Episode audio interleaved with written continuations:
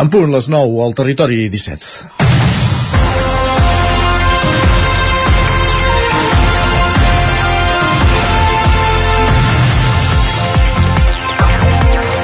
Ens agrada pensar que la societat ha avançat molt en la igualtat entre homes i dones, però encara estem molt lluny del que seria òptim. Un estudi elaborat pel Consorci d'Osona Acció Social ens torna a posar davant del mirall. Les dones continuen sent les principals responsables de fer-se càrrec dels fills. Tot i que la majoria de les persones que amb nens a càrrec seu ho compatibilitza amb una jornada laboral completa, també hi ha molts casos, sobretot els que no tenen una xarxa familiar àmplia, que han de fer treball parcial. I aquí de nou són les dones qui renuncien a una part de la seva progressió professional, demanar més vegades la modificació d'horaris laborals, la reducció de la jornada, permisos puntuals o teletreball, quan s'ha de fer alguna gestió relacionada amb els fills. Les conseqüències d'aquesta situació són diverses. Uns ingressos econòmics inferiors, menors prestacions en cas d'atur o baixa i, com a conseqüència, menys independència econòmica de les parelles. Hi ha una xifra que ja ens ha de fer reflexionar d'entrada i és que en l'estudi es van fer un total de 1.200 enquestes presencials. Qui va respondre aquestes enquestes sobre tenir cura dels fills van ser, en un 88,5% dels casos, les mares, donant per fet que és una tasca que les interpel·la més a elles que als pares. També són elles les que, des que són mares, han hagut de renunciar a temps dedicat a activitats personals, socials i comunitàries.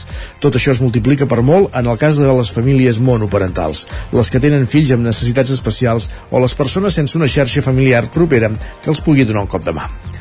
L'administració té l'obligació de posar recursos per pal·liar-ho, ja sigui facilitar l'accés a aules d'acollida abans i després de les classes, serveis de canguratge o activitats d'oci fora de l'horari lectiu. Però el que voldrien els pares i sobretot les mares que van respondre a l'enquesta és, en un 86% dels casos, tenir més temps per poder-ho fer ells. Tenint en compte que l'activitat professional és la principal font de despesa de temps i de reconeixement social, mesures com les que es parlen aquests dies de reduir la jornada laboral anirien en aquesta línia, però cal un ampli pacte social perquè això sigui factible i es traslladi amb poder disposar de més temps per als nostres fills.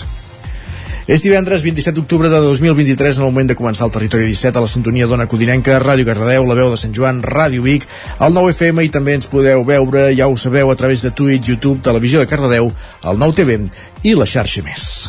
Territori 17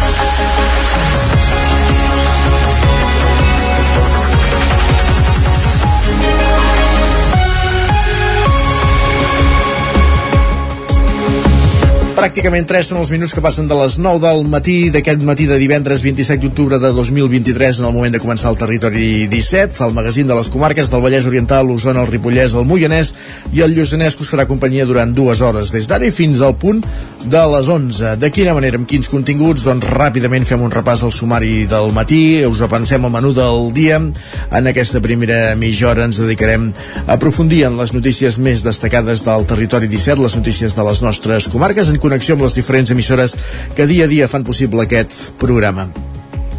Uh, també anirem fins a Ona Codinenca per parlar amb en, Pep, amb Acosta, el nostre home del temps, i repassar eh, com, se, com es presenta el cap de setmana meteorològicament parlant. I anirem també fins al quiosc amb en Sergi Vives per repassar les portades dels diaris del dia avui divendres. A partir de dos quarts de deu els divendres és temps de tertúlia avui en companyia de l'Agustí Danés, en Víctor Palomar i la Txell Vilamala per aprofundir en les notícies més destacades de les nostres comarques eh, per ampliar-les i debatre'n. Arribarem a les 10 més notícies, la previsió del temps i moment de fer un repàs a l'agenda esportiva esportiva del cap de setmana en connexió també amb les diferents emissores del territori 17 a partir de dos quarts d'onze, com cada matí, ens, com cada divendres, ens acompanyaran en Jaume Espuny amb un clàssic musical, amb un disc sota el braç, per acabar el programa amb una altra roda per les emissores del territori 17, en aquest cas per repassar l'agenda cultural i d'actes del cap de setmana.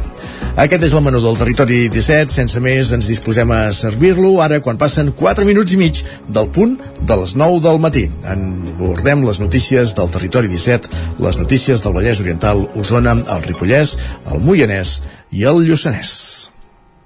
Territori 17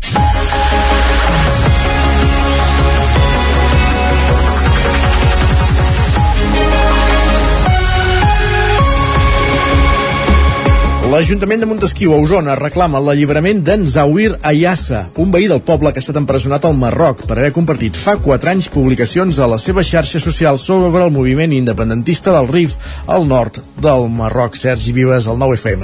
Aquest fet li ha comportat dos anys de presó i una multa de 10.000 dirhams, l'equivalent a 1.000 euros. L'estiu passat, quan anava de vacances amb la seva dona i les seves dues filles, que ara tenen 3 i 5 anys, el van detenir només arribar al port de Nador. L'acusen d'instigació per mitjans electrònics a injúries a la bandera marroquí i als símbols del regne. Això ho expliquen la seva parella, la Fàtima, i el seu advocat, en Marc Serra. La meva parella el que feia només era eh, eh, entrar, informar-se'n i en feia difusió i compartia ja està, però mai he arribat a, a, a comentar ni a fer publicacions directes ni a fer fotos. Consideren doncs, que una persona pugui fer un, un compartir una pàgina web informant sobre la repressió del RIT doncs ja atenta contra la seva seguretat nacional. La llibertat d'expressió hauria d'estar completament emparada, ja no només a nivell europeu, sinó que això està emparat a nivell d'ONU, a nivell eh, internacional, amb tots els convenis inclús que ha signat el Marroc, i amb ells s'hauria d'haver respectat. Des de fa 14 mesos, la comunicació entre la Fàtima i les seves dues filles amb el seu pare és molt limitada. No els permeten la comunicació telefònica fora del Marroc i l'home només pot parlar amb un dels seus germans. Des del febrer, la família ha demanat el trasllat a l'estat espanyol, però encara no s'ha resolt, allargant el patiment familiar i donant senyals d'una possible denegació. Marc Serra.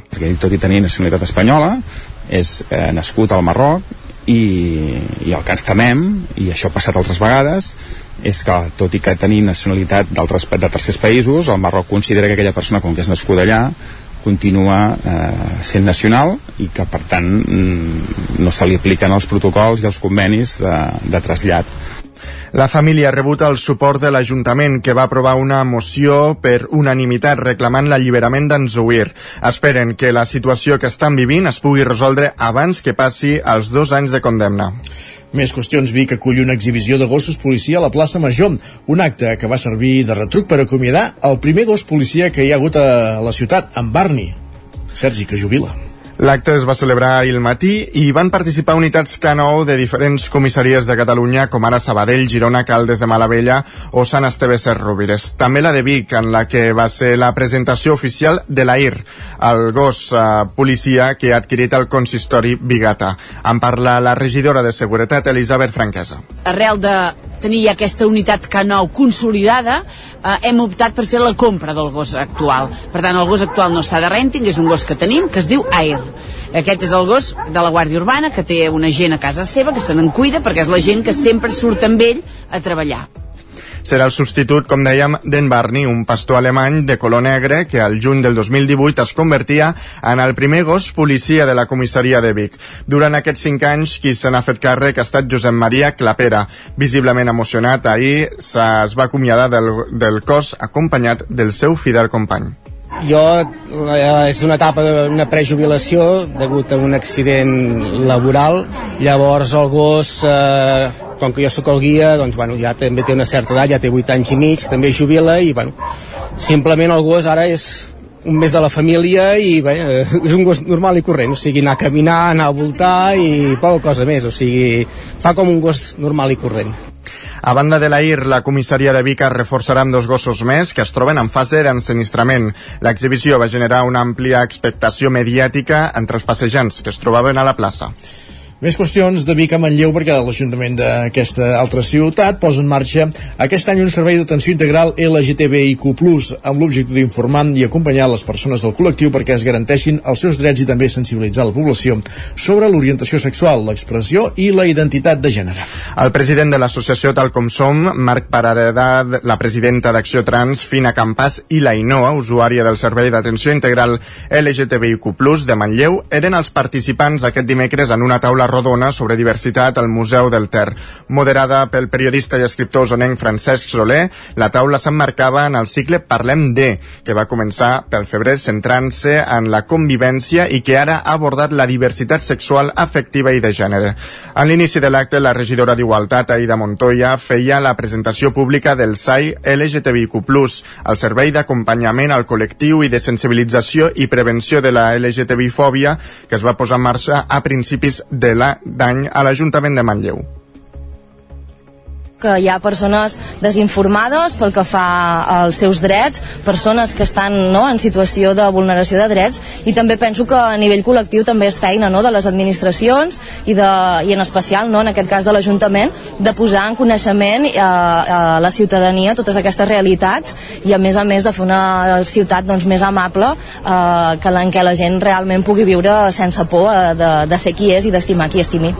El SAI ofereix una atenció integral en tots els àmbits de la vida de les persones LGTBIQ+, tràmits de documentació o d'incidències i denúncies per a LGTBI-fòbia i també acompanya les víctimes de discriminacions o agressions amb atenció psicològica i assessorament jurídic. La sensibilització sobre la diversitat sexual i de gènere és una altra de les seves funcions principals. Ho explica Maria Rovira, una de les tècniques del SAI. Amb una situació doncs, d'haver doncs, patit múltiples discriminacions al llarg de la seva vida, per tant, amb una situació psicològica complicada eh, també eh, hi ha diferents problemàtiques en relació al fet de trobar feina no? I, de, i de poder eh, formar part doncs, de, de, bueno, de, de l'àmbit laboral no? i per tant és algo que també hem de treballar i hem de desenvolupar i per això també necessitem doncs, sensibilitzar a la ciutadania que també és una de les grans eh, potes no? de la feina que fem a través d'aquest servei. A banda de la taula rodona d'aquest dimecres, les activitats sobre diversitat també han inclòs un taller per a joves sobre la realitat LGTBIQ+.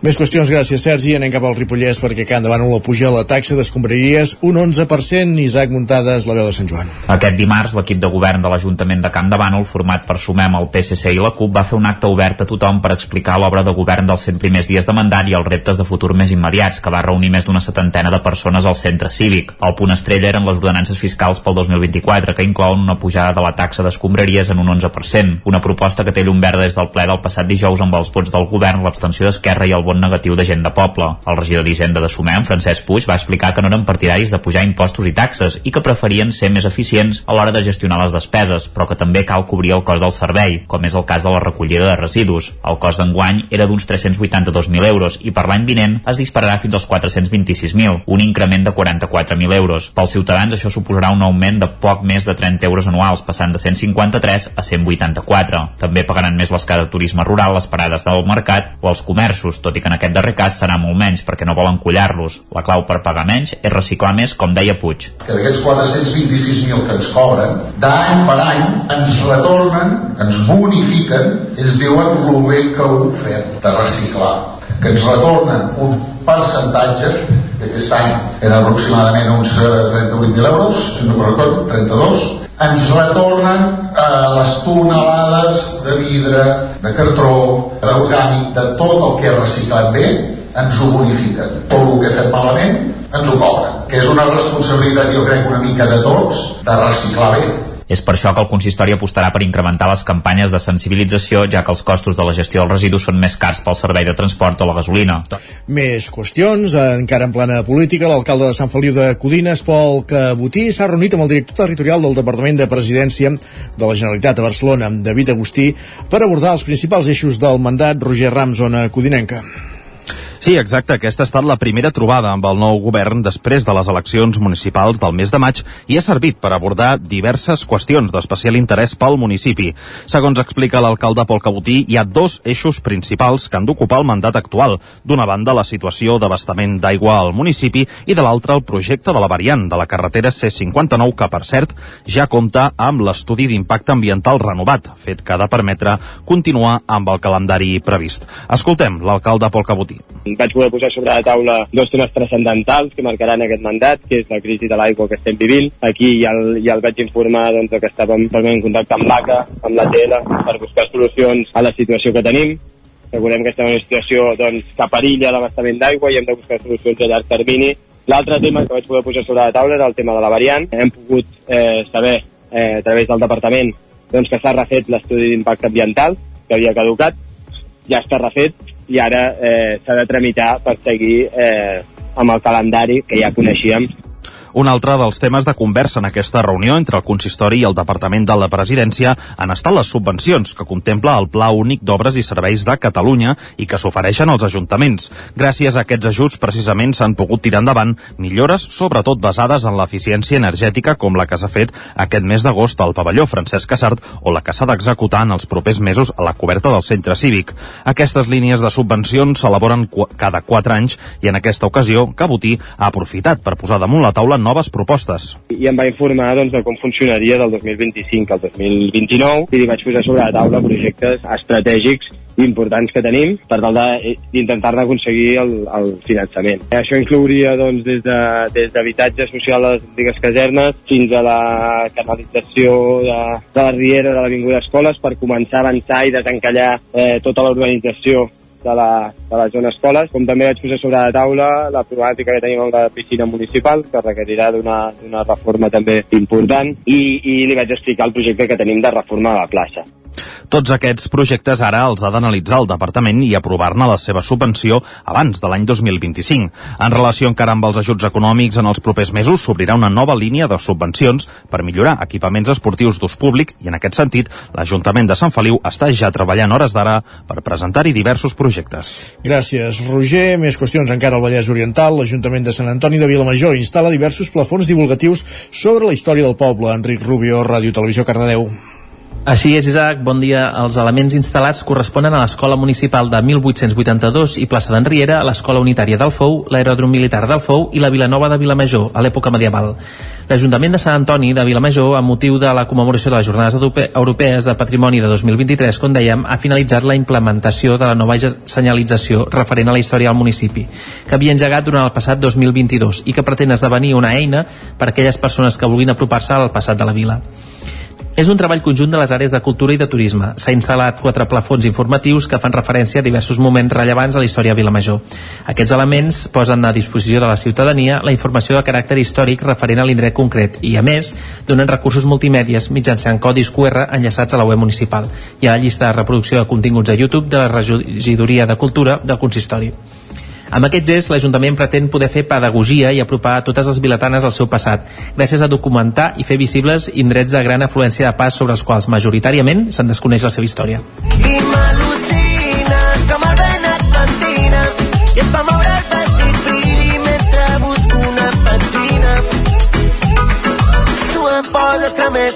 els usonencs Pelat i Pelut han tret un nou senzill del que serà el seu nou disc, Sergi Vives. Després de Fem la Morsa i la Mama, que ja apuntaven cap a les sonoritats urbanes i modernes, ara ha arribat Ampeta, una cançó festiva i alegre. El disc que estan ultimant es titula Thermomix i ha de sortir a principis de 2024.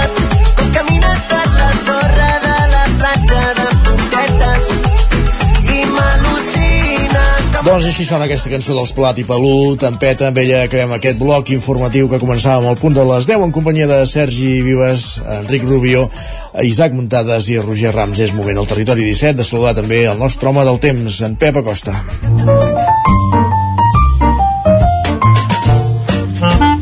Casa Terradellos us ofereix el temps.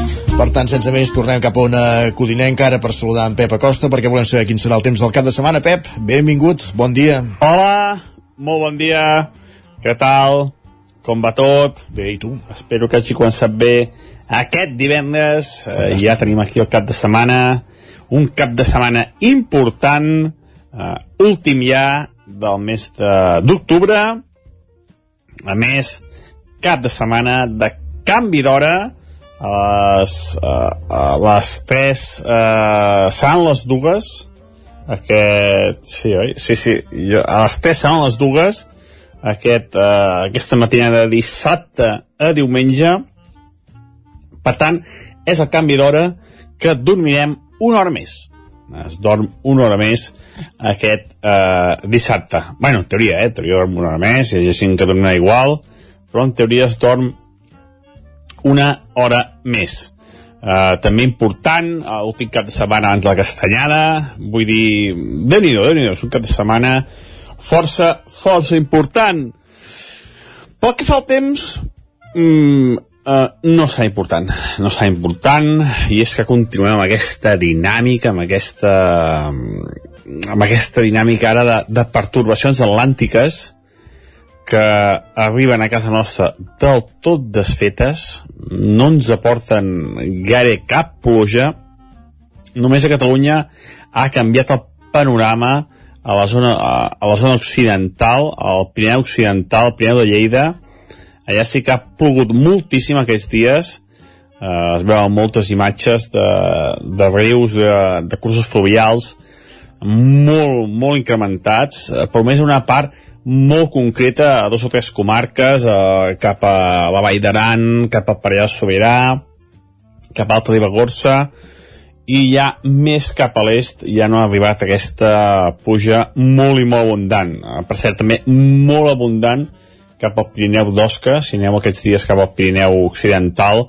veureu uns cursos fluvials molt importants i també veureu una, una bona nevada a les parts més altes d'aquest Pirineu. Però a casa nostra no, a casa nostra eh, res d'això, continua la sequera, eh, no ens, aquests fons ens arriben molt, molt desgastats, no hi ha manera que plogui. Això, avui per això han baixat les temperatures, una mica de glaçada alta muntanya, eh, moltes mínimes entre els 8 i els 12 graus, eh, superiors als 12 graus cap a la zona del peritoral. I aquesta serà la tònica del cap de setmana. Eh, per sort també ha frenat el vent, aquest vent de ponent que ens ha afectat el dia d'ahir, que déu nhi com va bufar, a partir d'avui ja es talla i ja no bufarà aquest vent de ponent entra una mica de vent de nord que farà baixar una mica les temperatures. Avui moltes màximes entre els 15 i els 20 graus. De cara a demà, eh, un dia molt semblant d'avui, tranquil·litat, alguna núvol a la tarda, temperatures molt semblants, mínimes força baixes, eh, moltes mínimes eh, per sota d'aquests eh, 10 graus a les zones interiors i per sota fins i tot dels 0 graus a les zones més fredes del Pirineu. Però demà, novament, algun núvol despistat, poca cosa, molt de sol. I diumenge continuem amb aquesta tònica, eh, no plourà, eh, sol, temperatures de, de tardor, eh, màximes eh, bastant fresquetes, mínimes fredes en, el, en les zones més fredes de les poblacions, i més suaus cap a la zona del prelitoral. Doncs bé, eh, anar molt de pressa resumint, un cap de setmana amb molt de sol, temperatures màximes habituals per època de l'any, moltes entre els 18 i els 22 graus, i temperatures mínimes també bastant acordes amb l'època de l'any. Eh, una mica de fred, però ni molt menys cap fredorada ni cap cosa de l'altre món. Moltes gràcies i que passeu un gran cap de setmana. Adeu. Gràcies, Pep. Parlem d'aquí una estoneta. Casa Tarradellas us ha ofert aquest espai. Avancem al territori 17 i ja sabeu que després del temps el que fem sempre és anar cap al quiosc.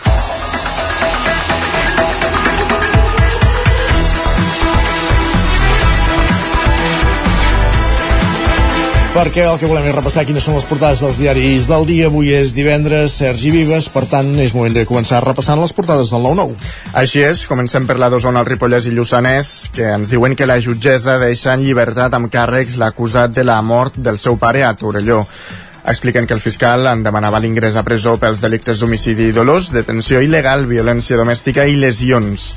I també ens trobem al Barni, us ho explicàvem ara fa un moment, el primer gos policia de Vic que ahir es va jubilar oficialment. El veiem aquí en la imatge amb el seu, amb el seu guia. La, la carrera d'un gos policia és curta, eh? Perquè Barney va debutar el 2018, 5 anys després ja es jubila i ja té, té relleu. Així és. Anem a uh, més portades, l'edició del Vallès Oriental del 9-9. Doncs ens diuen que Granollers i Mollet no multaran els vehicles més contaminants fins al maig de l'any 2025. Expliquen que implantaran les zones de baixes emissions al centre a principis de l'any vinent, però ajornen les sancions. i també destaquen més uh, gossos patrulla. Carai. Diuen, eh, expliquen que les franqueses ha posat en marxa la primera unitat canina de la policia local amb el gos Titan, que de fet també el veiem a la imatge és molt semblant al Barni, eh? En Fly a Vic, en Titana a les Franqueses i en Barni que, que jubila. Deuen ser tots bastant que deuen tenir unes particularitats, la raça en concret, sí. i per això aposten pels, pels mateixos gossos. Més qüestions, anem a portades de l'àmbit nacional. Doncs comencem pel punt avui, que encapça la portada amb el titular Fora de la llei. Expliquen que el Tribunal Superior de Justícia de Catalunya obvia la norma catalana obligant una escola de Canet a fer més classes en castellà. Diuen que el tribunal manté la seva ofensiva contra el model lingüístic de l'escola catalana. El periòdico diu que el Cercle d'Economia demana un pacte ampli que recolzi l'amnistia. Expliquen que l'entitat defensa que l'acord amb els independentistes pot millorar la convivència si es desvincula de la investidura. La Vanguardia diu que Israel obre la porta a l'ofensiva terrestre amb una incursió armada a Gaza. Expliquen que Rússia demana l'alliberament dels hostatges estrangers, mentre Hamas adverteix que els atacs israelians han matat 50 segrestats. Lara diu que el clínic proposa prohibir la marihuana als menors de 25 anys. Expliquen que un estudi internacional de l'IDIVAPS alerta que el consum de cannabis fa créixer el risc de psicosi en joves. I repassem ara portades espanyoles. El país diu que la Unió Europea demana una pausa a Gaza i una conferència de pau. Expliquen que els 27 donen prioritat a que arribin ajudes als civils. Diuen que Sánchez aconsegueix que prosperi la seva iniciativa en la solució dels dos estats. L'ABC diu que Moncloa ignora les autonomies en la gestió del caos migratori. Expliquen que Escrivà ja ha traslladat a 5.000 irregulars a la península sense informar els, ajunta els ajuntaments d'acollida ni explicar els criteris del repartiment. El Mundo diu que un gran fons s'uneix a Repsol i qüestiona invertir a Espanya expliquen que la gestora Capital Group, que mou 2,3 milions eh, bilions de dòlars i inverteix a l'IBEX, reclama més estabilitat regulatòria. Diuen també que el CEO de Repsol critica que l'acord entre el PSOE i Sumar perpetui l'impost a les energètiques. I acabem amb la raó que diu que Page defensarà el seu rebuig a l'amnistia davant Sánchez en el Comitè Federal del PSOE. Expliquen que l'agenda d'aquest comitè deixa fora la iniciativa, tot i que els crítics davant la sessió responen dient que a un òrgan polític si ve parlar de política. Perfectíssim, gràcies Sergi. Uh, repassem ara també abans de la pausa els digitals, l'edició del 9-9 d'Osona i el Ripollès del 99.cat. Doncs ens diuen que el Museu Episcopal fa la primera gran reforma per canviar l'entrada i sí, de fet hi ha obres aquests dies de fet per l'entrada principal no s'hi pot entrar sí. i a l'edició del Vallès Oriental doncs que PSC i Junts pacten les ordenances a Cardedeu i acosten al pacte de govern doncs queda recollit, gràcies Sergi. Fem una pausa, 3 minutets i temps de tertúlia al territori 17. El nou FM, la ràdio de casa, al 92.8. Quinzena Fira d'en Roca Guinarda a Olost. Aquest any serà bestial. La fira més loca de la comunitat autònoma de Catalunya. Vine a disfrutar-la. A! La qualitat de les teves impressions és important per tu? Estàs cansat que els colors i les imatges no surtin com t'esperes? A Impremta Mater disposem de la tecnologia més avançada i els millors professionals per aconseguir impressions d'alta qualitat. Fem tota classe d'impresos amb acabats professionals. Llibres, catàlegs, revistes, tesis, calendaris, enquadernacions... I a més, disposem del servei d'impressió digital en gran format. Roll-ups, lones, pòsters i molt més. Impremta Mater. Ens trobaràs a la carretera de Sant Hipòlit 23 de Vic o impremtamater.com Amb Pradell estalvio energia i cuido la meva butxaca i el medi ambient. Posa't en mans a Pradell, són experts en calderes de gas i condensació, estufes de pèl·let, energia solar, terres radiants i geotèrmia. Pradell instal·la calderes de biomassa per a particulars i per a empreses. Si vols estalviar un 50% en consum, contacta amb Pradell i passa't a les energies renovables. Pradell, som a l'Avinguda Països Catalans 27 de Vic. Telèfon 93 885 11 97. Pradell.cat. Per moure't, lloga un cotxe ALR. Per moure la família, lloga un minibús ALR. Per moure coses, lloga una furgoneta ALR. Per moure la casa, lloga un camió ALR. Lloguer de cotxes, furgonetes i camions ALR. Ens trobaràs al carrer Francesc Sant Climent 83 de Vic i també a Olot i Manresa. Informa't en el 93 888 60 57 o bé consulta el web alr.cat. Quan tingui un problema amb la seva caldera, vagi directament a la solució. Truqui sempre al servei tècnic oficial de Saunier Duval i despreocupis, perquè som fabricants i coneixem les nostres calderes peça a peça. I ara aconseguiu fins a 300 euros en canviar la caldera. Informeu-vos al 910 77 10 50 o a saunierduval.es. L'infopodcast del 99 amb Sílvia Pedret. Cada dia et donem les claus de les notícies més rellevants de casa nostra. Vivim en una comarca que s'està demostrant pionera en transició. Desperta't cada dia amb l'infopodcast del 99. Aquesta setmana tornen a ser notícia els pantans perquè han baixat... El trobaràs a dos quarts de vuit del matí al 99.cat, Spotify, iVox i, si ho vols, te l'enviem directament al mòbil. Subscriu-te als canals de WhatsApp i Telegram del 99. Soc Sílvia Pedret. Comencem. El 9 FM, el 9 FM.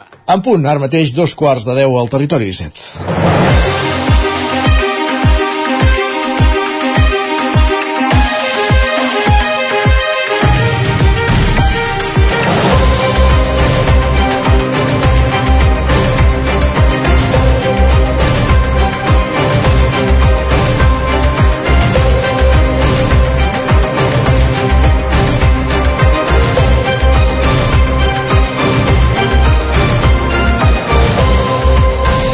I els divendres, ja sabeu, a dos quarts de deu al territori 17, és temps de tertúlia, avui en companyia d'en Víctor Palomar, l'Agustí Danés i la Txell Vilamala. Benvinguts tots tres. Hola, bon dia. Bon dia.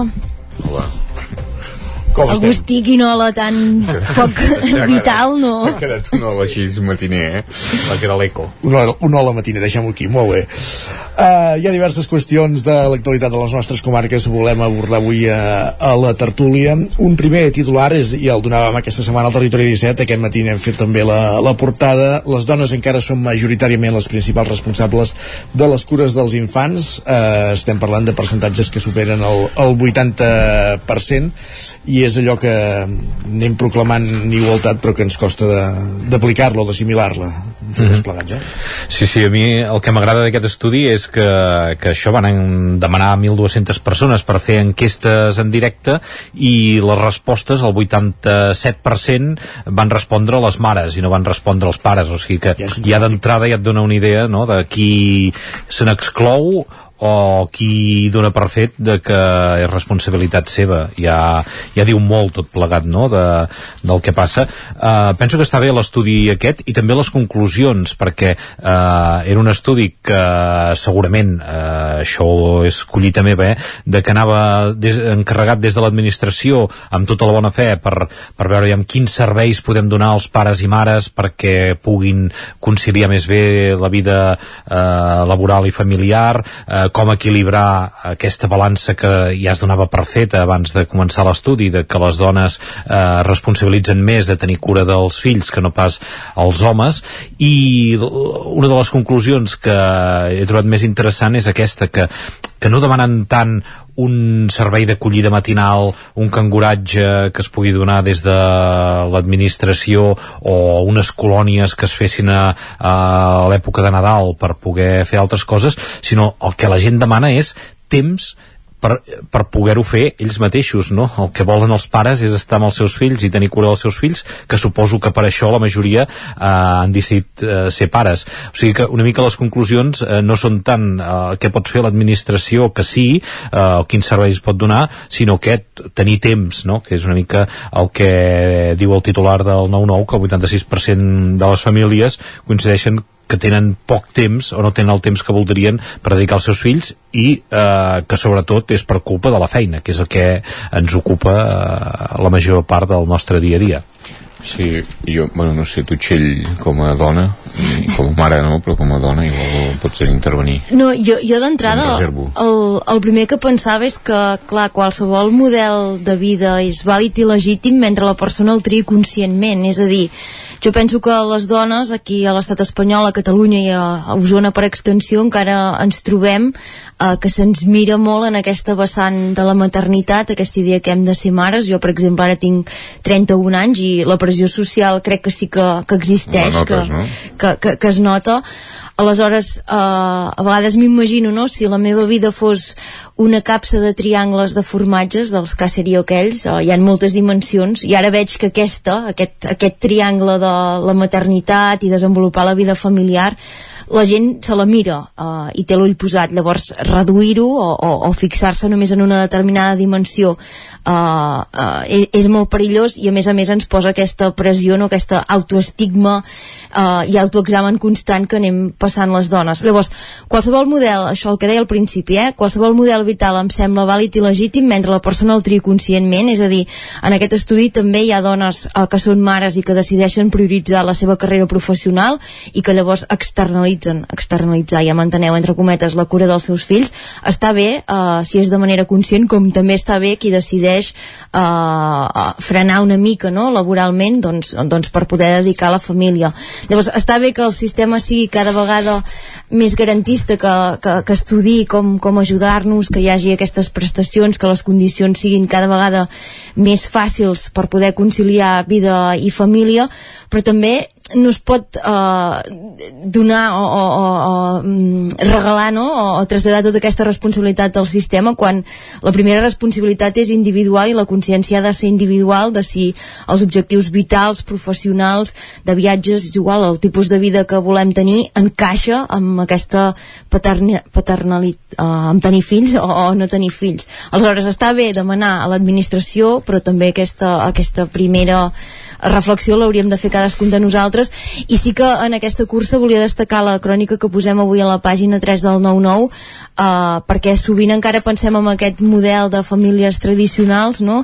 pare-mare, com a mínim dos progenitors amb fills, però també hi ha cada vegada més models nous de, patern... això, de, de, de, de, de tenir fills i, i fa falta no? que aquesta paternitat també es pugui plantejar doncs, una família monoparental té les mateixes despeses que una família amb dos progenitors que porten diners a casa i què es troben aquestes mares i aquests pares? Doncs que han de treballar potser fins i tot més tenint encara menys temps quan eh, la responsabilitat no és compartida. tu poses el foc en, com en una decisió individual, no? I jo, jo m'agradaria més obrir-lo. Jo crec que el, que el nucli està més amb, amb la societat i amb el sistema i amb, i amb dues dimensions diferents primer amb una del, del marc el marc legal i les decisions polítiques que sembla que no vagi amb nosaltres i això és crucial i un altre en, en, un, en un tema cultural que aquests canvis són més lents jo penso per exemple a vegades va, va bé fer introspecció i mirar el propi cas no? Diem, jo quan era petit eh, a nosaltres ens cuidava la meva mare i la meva iaia Diem, i el meu pare no era mal pare però el meu pare jo no crec que mai no crec que mai hagués anat, per exemple, a cap reunió de l'escola, ni mai ens havia portat al parc a jugar, eh, però, però no perquè fos mal pare, perquè era un tema cultural, no? Llavors, això crec que hem avançat molt, que això també ho hem de dir, no? Vull dir, avui, perquè sembla de dir, no, perquè els homes... No, no, no, això ha canviat molt, però això és lent. Aquest tema cultural és lent. I el tema cultural va remolc de, també de les decisions polítiques i del marc legal que hi ha. I això també ha avançat. I precisament aquesta setmana, en aquest acord de, de- d'investidura de, del, del PSOE i Sumar doncs un dels temes era precisament doncs, eh, donar encara majors facilitats pels permisos de, de, de paternitat clar, que això també ha evolucionat molt abans eh, quan, quan un era pare doncs no sé, que devia tenir dos dies no? No, la, la mateixa I- discriminació venia de part del sistema, no? que ja pressuposava per, que l'home... Per tant, no era, no era un, a vegades, jo crec que no, no és un tema, o no era un tema d'una decisió individual, de dir jo vull... No, no, no, no, perquè el sistema encaminava cap aquí. Quan això ha anat evolucionant, i per tant aquest és un, és un indicador d'una societat més madura i d'una societat que, que progressa, i això ha anat canviant, i s'han incrementat també els, els permisos de paternitat, jo no ho recordo, però deu ser tres mesos o, o, o... Ara són quatre mesos. Quatre mesos, clar. Sí, sí. Per, per tant, ara, ara sí que hi ha les condicions perquè això canvi i perquè els pares i els homes també es facin càrrec de la criança dels fills. Però aquesta és una decisió política, això és transcendental, perquè si això no existeix, no pot ser una decisió individual. I després insisteixo en els temes culturals. Això ha canviat moltíssim. Penso que quan, quan, quan mirem també hem, també hem de dir-ho, això, no? Vull dir que estem lluny, però hem avançat molt. Vull dir que està bé mirar endavant, però també està bé mirar endarrere. Jo parlo pel, pel, pel meu propi cas, eh? Vull dir, i no crec que el meu pare fos un mal pare però és que això estava organitzat així i era un tema eh, cultural. Mal organitzat, però un tema cultural. I nosaltres el dissabte quan la meva mare de, de, devia dir tu, emporta, emporta't aquests, no? El meu germà i a mi, emporta-te'ls, perquè ella devia estar cansadíssima d'aguantar-nos tota la setmana, no crec tampoc, això no, no perquè quan que jo era petit no me'n recordo, però no crec que a la nit si plorava ens havien de donar un biberó o canviar els bolquers, jo no, no crec que el meu pare em canviés mai els bolquers. Vull dir que quan feia tot això, i al cap de setmana, quan devia dir importa-te'ls, doncs on anàvem? No, no, no, no anàvem pas a la biblioteca, ni anàvem, anàvem al bar, eh, esmorzar al bar, clar. Per què? Per què? Perquè ell anava al bar, perquè els homes anaven al bar, i les dones no hi anaven al bar. No? Vull dir que tots aquests temes jo crec que, hòstia, hem, hem avançat molt. Jo crec que sí, segurament el que seria òptim eh, estaríem una meitat del, del camí, perquè és veritat que les reunions de pares ara hi ha més pares, que hi ha molts més pares que s'impliquen amb la criança, però sí que és veritat que si algú ha de renunciar a nivell laboral per tenir cura dels fills, encara passa mm, ma major part de, dels casos és, és la dona qui demana una eh, sortida a la feina per poder anar a portar els fills a, al metge, doncs acaben sent les dones però segurament és això, eh? la realitat i en pesos per el marc legal eh, les coses van canviant. Ara mateix aquesta baixa per paternitat no és poca cosa, eh? la decisió aquesta de donar els 4 mesos tant per les dones com per als homes és important perquè una discriminació que podia ser laboral perquè eh, contractar una dona per part d'una empresa pensaves que eh, pot anar associat amb que tard o d'hora et demanarà una baixa de, de 4 mesos, doncs ara tant és que contractis un home o una dona amb una edat per ser pares o que vulguin ser pares, doncs que que, que tindran aquesta baixa. És important. També mesures com aquesta que va lligat amb el resultat de, de l'enquesta, eh?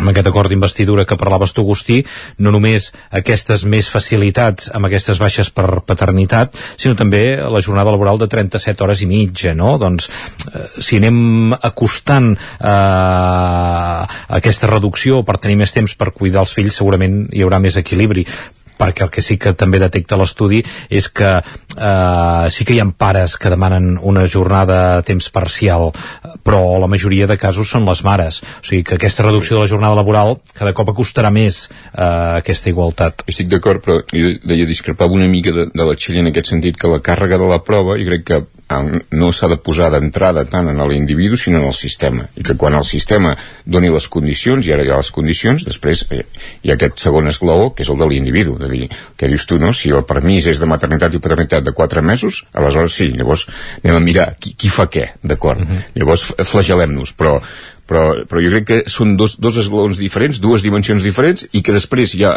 una, una tercera que és la, la cultural, que aquesta és més lenta i que aquesta funciona per al·luvió, per, anar, per sediment i per, i per, a, per arrossegament i que aquí hem avançat, crec que molt i que falta molt. La nostra però, generació, però, tu parlaves dels nostres pares, la nostra generació és això que diem, que a les reunions de pares, quan portes els fills a l'escola, també també n'hi ha, no?, de, no, de i, molts pares. I, i, home, i està, el, i està el cas de les coses i tu deus haver signat algun paper també de la...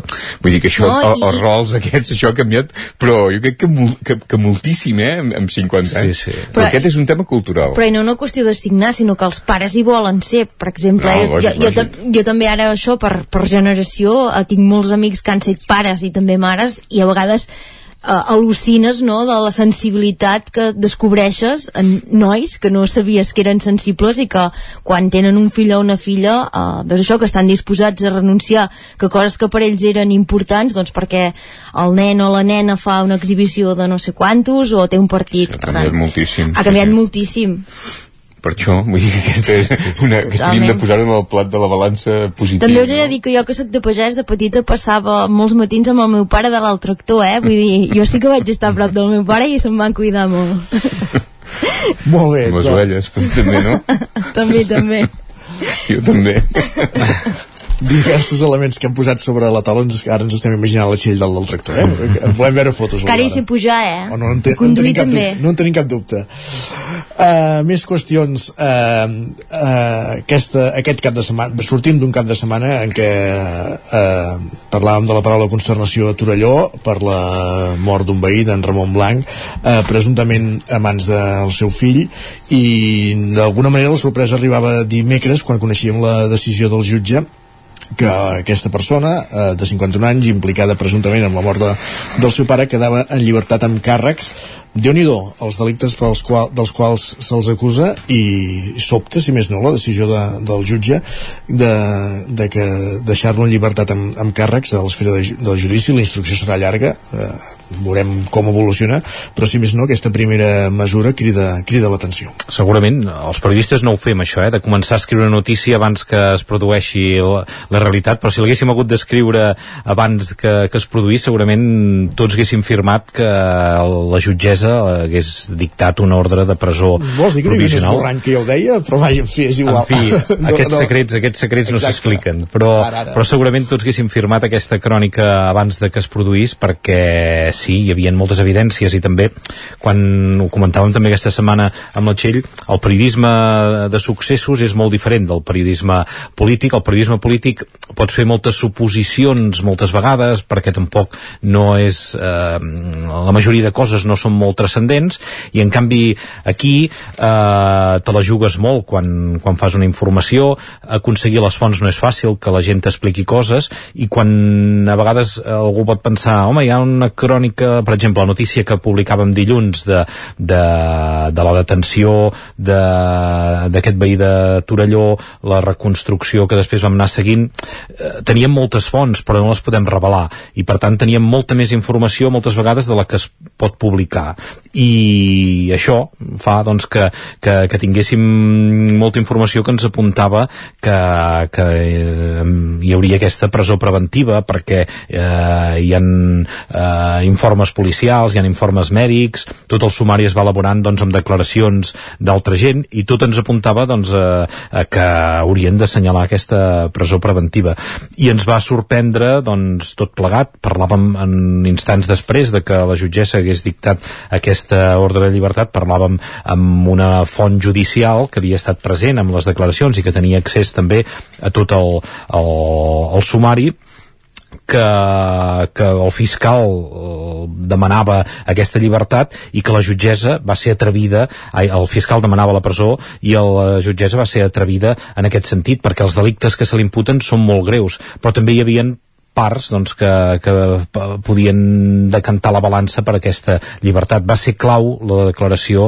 de la dona de la víctima i mare de, del detingut en què eh, va exculpar-lo de la voluntat d'acabar amb la seva vida, sobretot perquè ja hi havien hagut altres eh, discussions i deia doncs, que això, que ja hi havien hagut altres discussions, però sobretot verbals, pujades de to, però que mai eh, hi havia hagut cap intenció de fer-li mal. Però sí que és veritat, eh, com a contrapès, és que, que hi, havia, hi havia unes lesions, que hi havia un maltractament que hi havia hagut i que aquesta persona eh, després d'ingressar a l'hospital per, per aquesta situació en què estava, va acabar morint. Eh, aquí és la interpretació de veure de si les lesions que li va provocar eren mortals o hi havia intenció d'acabar amb la seva vida o hi va haver aquesta baralla i eh, com a conseqüència, sense haver-hi voluntat per part d'aquesta persona i per les condicions de la víctima, una persona de 84 anys i que tenia altres patologies associades, va acabar morint eh, per aquestes lesions més o menys mortals o no. Totes aquestes interpretacions eh, serveixen ara només per deixar-lo en llibertat provisional. Això no treu que d'aquí dos anys hi ha d'haver eh, un judici en què se li demanen penes de, pres- de presó molt elevades i que hi haurà un altre jutge, que no és el jutge instructor, que no tindrà res a veure, que no haurà participat en, en tot aquest procés, que després haurà d'avaluar si eh, hi ha hagut aquest eh, delicte d'homicidi, aquest delicte de lesions, aquest delicte de maltractament a la llar per condemnar-lo amb totes aquestes eh, penes que estan associades a aquests delictes. Va, Agustí. Uh, no, jo estic d'acord amb, el- amb el que diu en Víctor, però ell fa un enfoc, diguem, des del punt de vista periodístic, que és el que toca. Jo crec que, que la enquesta interlocutòria també té, sobretot, valor des del punt de vista del dret, no? Perquè al final la clau és el que, el que explicava ell, crec jo, que la clau és de veure que aquí hi ha, hi ha uns fets i un desenllaç, i el tema és el vincle. És dir, és, és, I el que diuen els informes pericials és que, no, que aquest vincle o, o no es pot acreditar o que és feble, no? De dir, aquí hi ha una agressió, hi ha uns fets i hi ha una defunció. Llavors, aquí la, la relació de causa-efecte entre una cosa i l'altra doncs eh, és, in- deu ser interpretable. Però és clar, el dret la, el fet és que el dret, i per això dic que és important des del punt de vista del dret el dret no es pot basar sobre suposicions sinó sobre proves. I per tant si aquestes proves no existeixen jo crec que i això no sé si és opinable però que en tot cas eh, la, ju la jutgessa des del punt de vista del dret segurament fa el que toca que és a dir, se li imputa hi ha, hi ha, hi ha to tots aquests fets que efectivament són molt greus però si no s'acredita això doncs una llibertat amb una llibertat amb tots els requeriments, eh? perquè són per- per- tres- tres, vegades, tres vegades a la setmana al jutjat, la retirada del passaport, etc. Vull dir que al final eh, que el dret també toqui de, de, de peus a terra mm, bueno, jo crec que, que, o sigui, que, que, que aquest cas estaria bé que, que en parlem des del periodisme, però estaria bé que també se'l miressin a les facultats de dret, perquè crec que és interessant, és interessant i que, i que deu ser opinable eh, de, la, de la gent que en sap de dret, però que el tema és de dir, és el tema de, de, la, de, les, de les proves i les suposicions i els indicis, i el, i el tema, la clau és el vincle. I la, o, que és veritat que moltes vegades diem que detenen una persona i l'any demà eh, està al carrer clar, el dret és el que és, les lleis són les que són i apliquen el, el, les lleis, els jutges acaben aplicant les lleis que, que hi ha.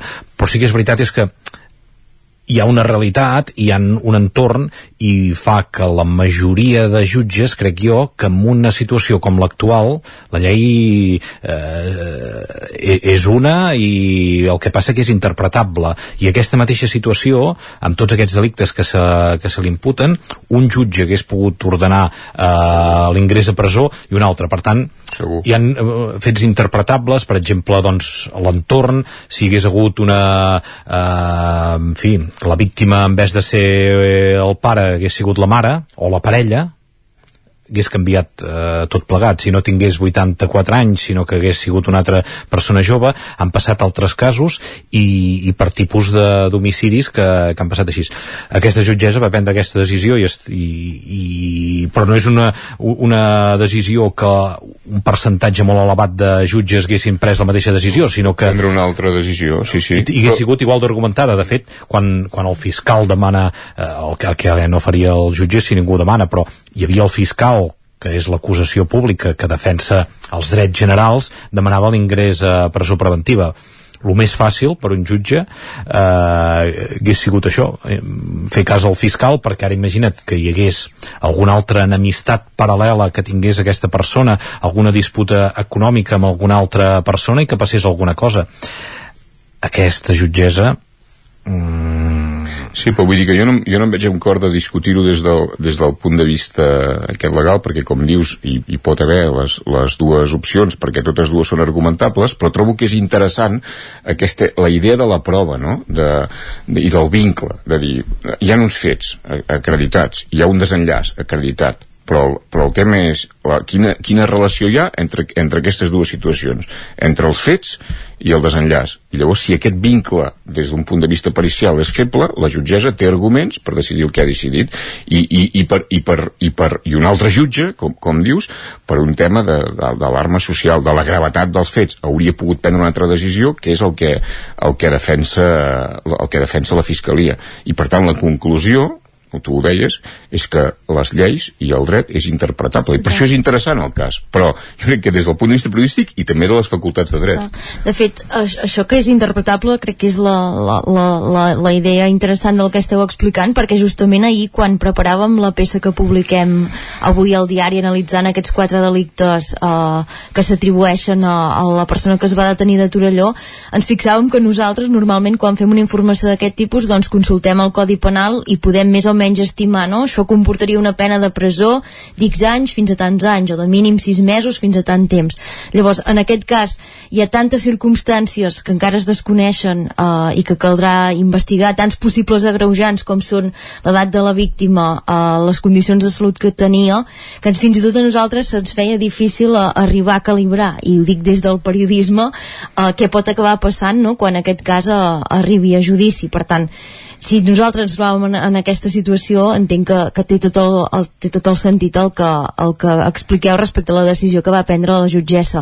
I també entendre que ara això a poc a poc i bona lletra ens deien ahir fons judicials que això pot tardar dos anys a arribar a judici per tant eh, veurem què passa. I mentrestant quin, com, com avança tot aquest procediment perquè encara falta l'informe definitiu de l'autòpsia falta que hi hagi més declaracions de testimonis i altres proves que es puguin eh, afegir al sumari en funció de què, de què demanin les parts. I xoca una mica, també una mica eh, pensant en aquesta persona que eh, el cap de setmana va estar detinguda sí. a, a la comissaria dels Mossos, va passar a disposició judicial, van fer una reconstrucció d'uns fets, ha perdut el seu pare o, o, o li ha provocat la mort, això serà el jutge el qui, el qui ho decidirà. I que, clar, l'any demà després de passar a disposició judicial el deixen en llibertat i ha de tornar a casa i no sé, i què fas no? l'any demà de que, de que et passa una cosa com aquesta, esperar ara dos anys que hi hagi un judici, també a vegades empatitzant amb, amb aquesta persona dir, i ara què passarà amb aquesta persona? Sí, no sé si, no, empati, no sé si empatitzant, però, però, la, però la situació, jo crec que al final és això, que, que en parlem des d'un punt de vista molt, molt fred, des del punt de vista del dret, des del punt de vista policial i tal, i això, en, en el fons, és un drama immens per, per, per, per molta gent vull dir que, no? que aquí hi ha, hi ha moltes víctimes o sigui, no només hi ha malauradament diguem, la pèrdua de, de la vida de la persona ja difunta sinó que imagina't el, bueno, el, el drama que això representa no? eh, l'entorn familiar, l'entorn familiar etc. Vull dir que també és una altra dimensió que una és la dimensió legal i l'altra és la dimensió personal, relacional i tal i és un cas d'aquells que bueno, no, no trobes, sempre hi ha paraules eh, per, per qualificar-ho tot però vull dir que és un drama gruixut amb, amb moltes víctimes, crec jo, malauradament i aquelles coses que bueno, que, que, que costen, costen d'explicar i encara costen més d'entendre, no? O, o al revés, o costen d'entendre i són difícils, són impossibles d'explicar perquè un fet així no té, no té cap explicació i té moltes derivades i moltes víctimes. No, I en aquest context això d'immediatesa i sovint no, de reducció de, dels missatges, eh, fem les coses molt fàcils, les intentem, la gent no, les, les, les intentem simplificar molt, eh, també apel·lar a la responsabilitat del periodisme, en Víctor ho deia, nosaltres ja al cap de setmana ens van arribar moltes informacions també aquesta setmana de bé, de, al, al voltant d'aquest cas, de com era la persona, de si hi havia un seguiment de serveis socials, si no, llavors també ser conscients que els periodistes tenim una responsabilitat molt gran a l'hora de decidir a què donem crèdit o què no, o què ens guardem per treballar-ho i intentar publicar-ho quan sigui el moment, però ostres, almenys que hi hagi un mínim de reflexió abans de, de publicar les notícies perquè això de tirar-se a la piscina a qualsevol preu Totalment, totalment, i ara aquí potser els tres que som al final estem en el mateix vaixell no? vull dir que poder no, no, som, no som les millors persones per discutir-ho i estaria bé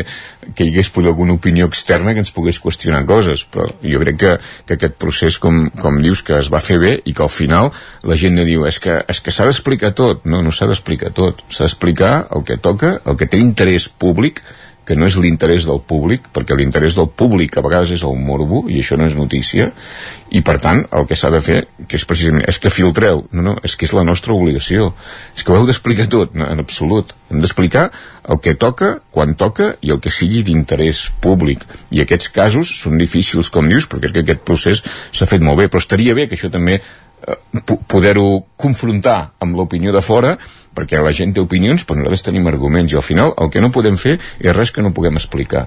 Vull dir que si som capaços de dir hem decidit això i es pot qüestionar però nosaltres hem de poder-ho defensar i crec que això podem fer-ho i podem fer-ho molt cap alt i eh, hi havia això, eh, que hi, hi ha una part que, que nosaltres no podem treure, però segurament per la família tot és eh, dolorós, perquè sí que és veritat que durant el cap de setmana eh, vam ser els primers que vam donar la notícia, vam anar dosificant també la informació fins que tenir-la del tot contrastada, però la família també ens demanava que no diguéssim res i, i, i aquí és on, on se'ns qüestiona una mica la nostra, el nostre paper però nosaltres el tenim molt clar. Nosaltres hem d'explicar les coses, el que hem de fer és explicar-les bé, si no s'expliquen les coses si no les expliquem nosaltres els professionals de la informació, l'explicarà qualsevol altre a les xarxes socials i, i o algun altre mitjà que es, de, que es pugui dedicar a, a fer morbo de, dels successos i explicarà que ja una ha, part. ja ha. i en canvi doncs el que s'ha de fer és deixar-ho que confiar també amb, amb els professionals de la informació i que nosaltres puguem explicar eh, fins on arriba la cosa també per evitar rumors i falses notícies. Totalment, i a vegades amb, amb el que deia la Txell i, enllaçant amb amb el que comentes tu, el tema aquest de la responsabilitat, que és una paraula que l'hem de tenir molt present, però que a vegades quan això es diu des de fora del, del periodisme crec que hi ha una confusió semàntica, perquè moltes vegades quan, quan algunes fonts o, o quan persones o quan lectors et demanen responsabilitat el que volen dir és silenci, i són dues coses diferents. I, i, i aquest, aquest matís també crec que és important important, que una cosa és la responsabilitat, que l'hem de tenir present, i que l'altra és el silenci, que és injustificable.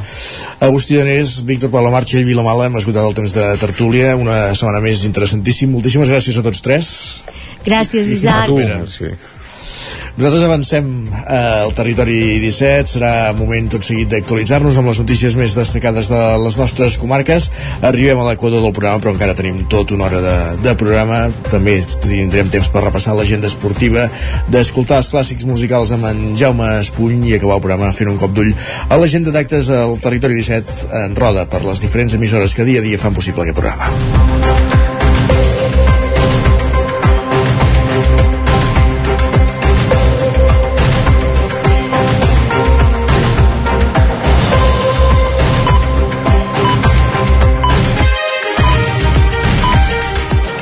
Comencem a Caldes de Montbui, al Vallès Oriental, perquè aquest dijous s'ha presentat el Servei de Psicologia Municipal que s'ofereix als centres educatius públics del poble per aquest curs escolar. Roger Ram, zona Codinenca. Bon dia, exacte. Aquest és un recurs ja consolidat a Caldes que s'ofereix des de fa molts anys als centres caldeïns i que brinda suport als alumnes durant la seva etapa formativa. En la presentació que es feia aquest dijous a l'escola al Farell, l'alcalde Isidre Pineda ha destacat la importància d'oferir aquest servei que al llarg del curs passat va arribar a atendre fins a 156 demandes i va dur a terme 182 entrevistes amb les famílies dels usuaris.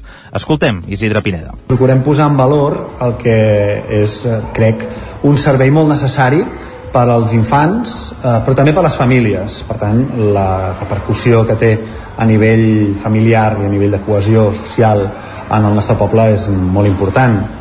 Crec que és una eina més que posem a disposició en el fet de convertir Caldes de Montbui en un municipi educador.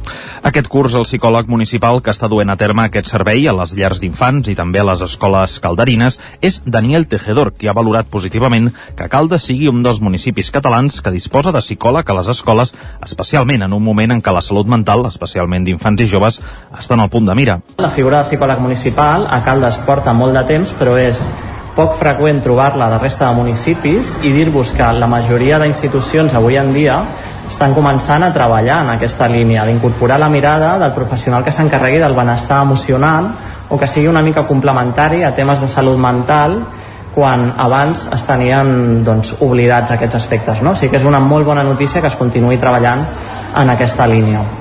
La represa d'aquest servei de psicologia municipal s'ha rebut molt positivament des dels cinc centres educatius de Caldes que celebren poder comptar amb aquest reforç en l'atenció a l'alumnat. La figura del psicòleg municipal reforça, a més, la tasca de la psicopedagoga que el Departament d'Ensenyament de la Generalitat assigna a Caldes de Montbui i que passa consulta un dia per setmana a cada centre. Gràcies, Roger. Més qüestions. Encara al Vallès Oriental, l'Ajuntament de Sant Celoni aprofita la visita del delegat del govern per traslladar-li la problemàtica de l'edifici de l'Institut Escola Pallarola al CAP i les urgències pediàtriques. Enric Rubio, Ràdio Televisió Cardedeu. Doncs així és, Isaac, i és que són tres temes que ja fa temps que porten cua. La construcció de l'edifici del Pallarola, la construcció del nou CAP i el restabliment de les urgències pediàtriques a l'Hospital de Sant Celoni han estat qüestions principals que ha posat sobre la taula l'alcalde Eduard Ballonesta en la visita que ha fet al poble el delegat de govern de la Generalitat a Barcelona, Joan Borràs. Ballonesta ha fet èmfasi en la necessitat que té l'Institut Escola Pallarola del nou edifici i explica que estan treballant per alleugerir al màxim els processos per tenir-lo el més aviat possible i que el mes vinent tindran una altra reunió en serveis territorials per intentar clarificar els terminis.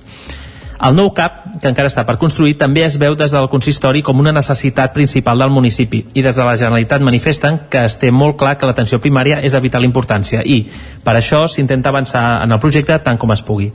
La Llunesta insisteix que cal treballar amb el departament perquè sigui una realitat en aquesta legislatura i el restabliment de les urgències pediàtriques a l'Hospital de Sant Celoni també és una qüestió que endem pel consistori i així ho ha traslladat Joan Borràs.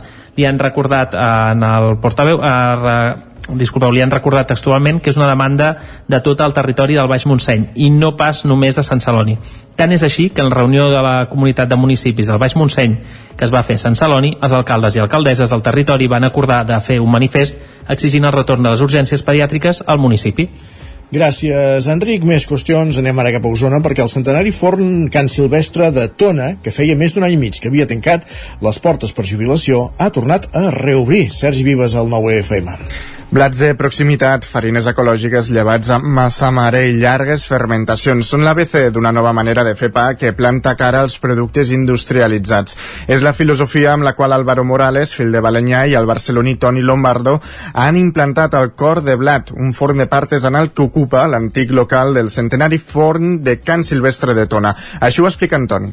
Sempre ja havíem tingut la, la, la il·lusió de fer un producte que es desmarqués del, del, del que es ven normalment, correntment, actualment, no? i fer un producte bo, un producte amb uh, matèries primes de, de proximitat i tornar com uh, un pas enrere no? en, eh, en tot això i donar la qualitat que es donava abans, fa molts anys, no? a, un, a un aliment tan bàsic com és el pa. Al mateix establiment, en una nota explicativa, i detallen que per escollir un pavó ha de ser dens i pesat, que duri en perfecte estat un mínim de 5 dies i que faci olor i sabor de pa, entre d'altres. Qui aplica aquestes premisses és el mateix Morales, amb una llarga trajectòria dins del sector. Vaig començar amb 15 anys a buscar un ofici que m'agradés, m'agradava molt el món del pa, el món de les farines.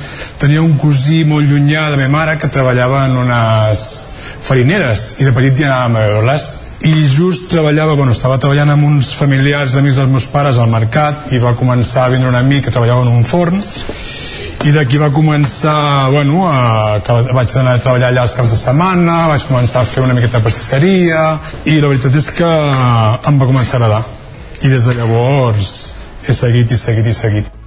El forn de Can Silvestre, situat al carrer Major, va tancar fa més d'un any i mig.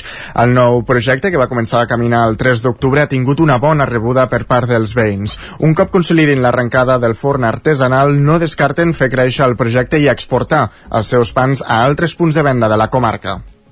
Més qüestions encara en l'àmbit de la pastisseria, perquè el, el Negrito, el pastisset emblema de la ciutat de Vic, per extensió de la comarca d'Osona, arriba als 65 anys, a l'edat de la jubilació. Però això no vol dir que s'acabi aquest pastisset. Està en plena forma, Sergi. Així és.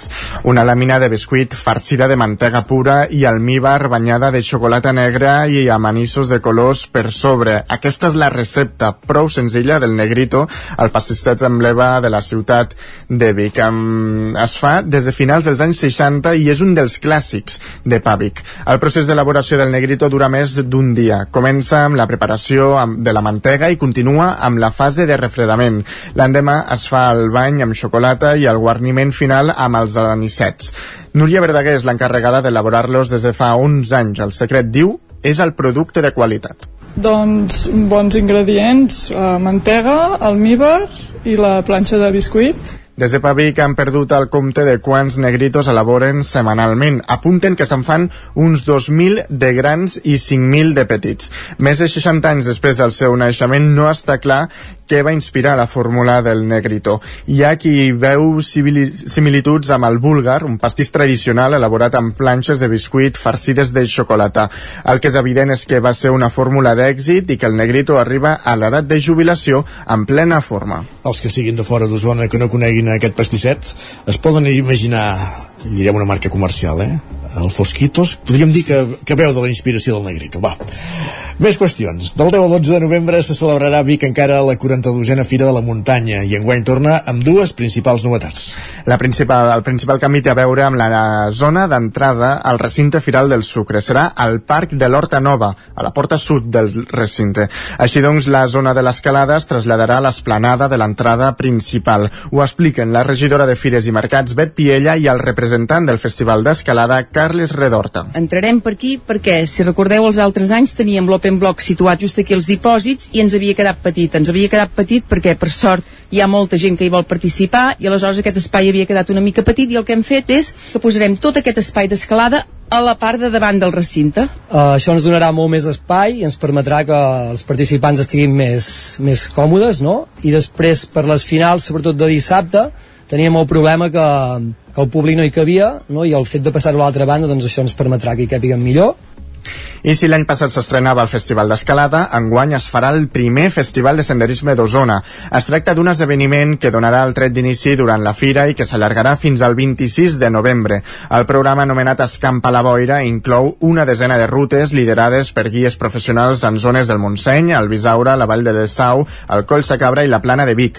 En parlen Albert Prado, representant del festival, i Edu Comerma, regidor d'Esports.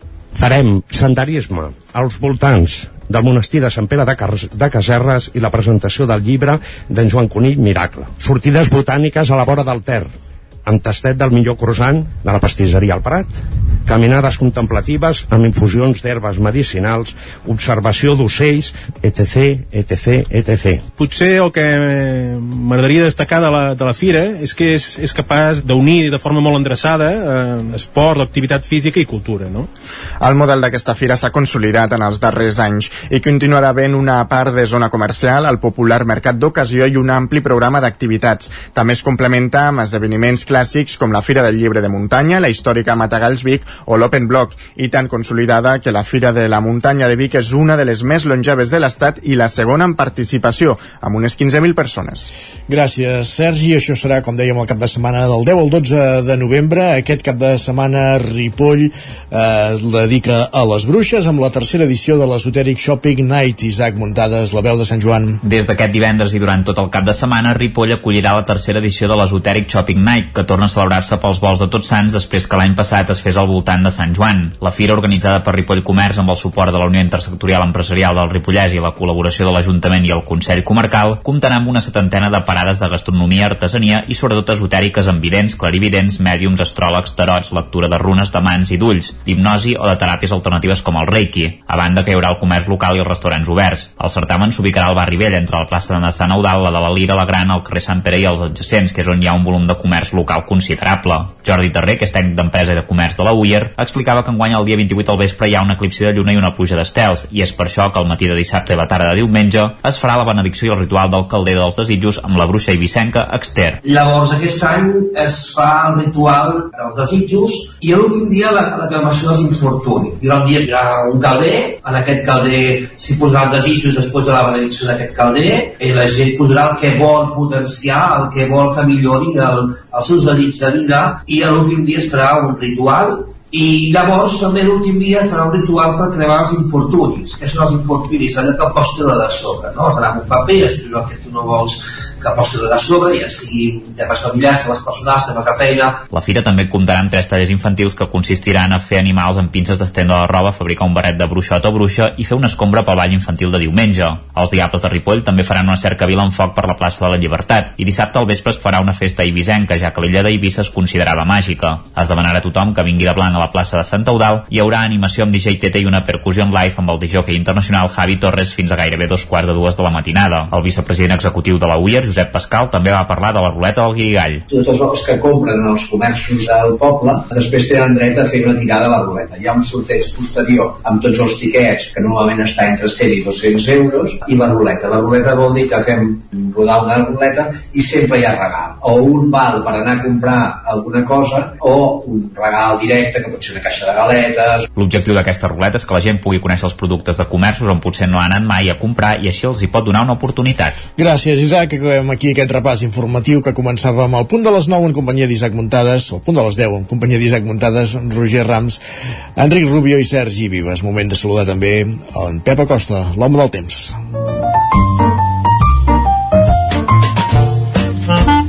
Casa Terradellos us ofereix el temps. Per tant, tornem cap a una codinenca, Pep Acosta. Quin temps ens depara el cap de setmana? Hola, molt bon dia. Han baixat les temperatures, una mica de glaçada alta muntanya, eh, moltes mínimes entre els 8 i els 12 graus, eh, superiors als 12 graus cap a la zona del peritoral. I aquesta serà la tònica del cap de setmana. Eh, per sort també ha frenat el vent, aquest vent de ponent que ens ha afectat el dia d'ahir, que déu nhi com va bufar, a partir d'avui ja es talla i ja no bufarà aquest vent de ponent, entra una mica de vent de nord que farà baixar una mica les temperatures. Avui moltes màximes, entre els 15 i els 20 graus. De cara a demà, eh, un dia molt semblant d'avui, tranquil·litat, alguna núvol a la tarda, temperatures molt semblants, mínimes força baixes, eh, moltes mínimes eh, per sota d'aquests eh, 10 graus a les zones interiors i per sota fins i tot dels 0 graus a les zones més fredes del Pirineu. Però demà, novament, algun núvol despistat, poca cosa, molt de sol. I diumenge continuem amb aquesta tònica, eh, no plourà, eh, sol, temperatures de, de tardor, eh, màximes eh, bastant fresquetes, mínimes fredes en, el, en les zones més fredes de les poblacions i més suaus cap a la zona del prelitoral. Doncs bé, eh, anar molt de pressa resumint, un cap de setmana amb molt de sol, temperatures màximes habituals per època de l'any, moltes entre els 18 i els 22 graus, i temperatures mínimes també bastant acordes amb l'època de l'any. Eh, una mica de fred, però ni molt menys cap fredorada ni cap cosa de l'altre món. Moltes gràcies i que passeu un gran cap de setmana. Adeu. Igualment per tu, gràcies Pep, fins dilluns. Casa Tarradellas us ha ofert aquest espai. Clavem ara mateix un quart d'onze del matí, del temps cap als esports.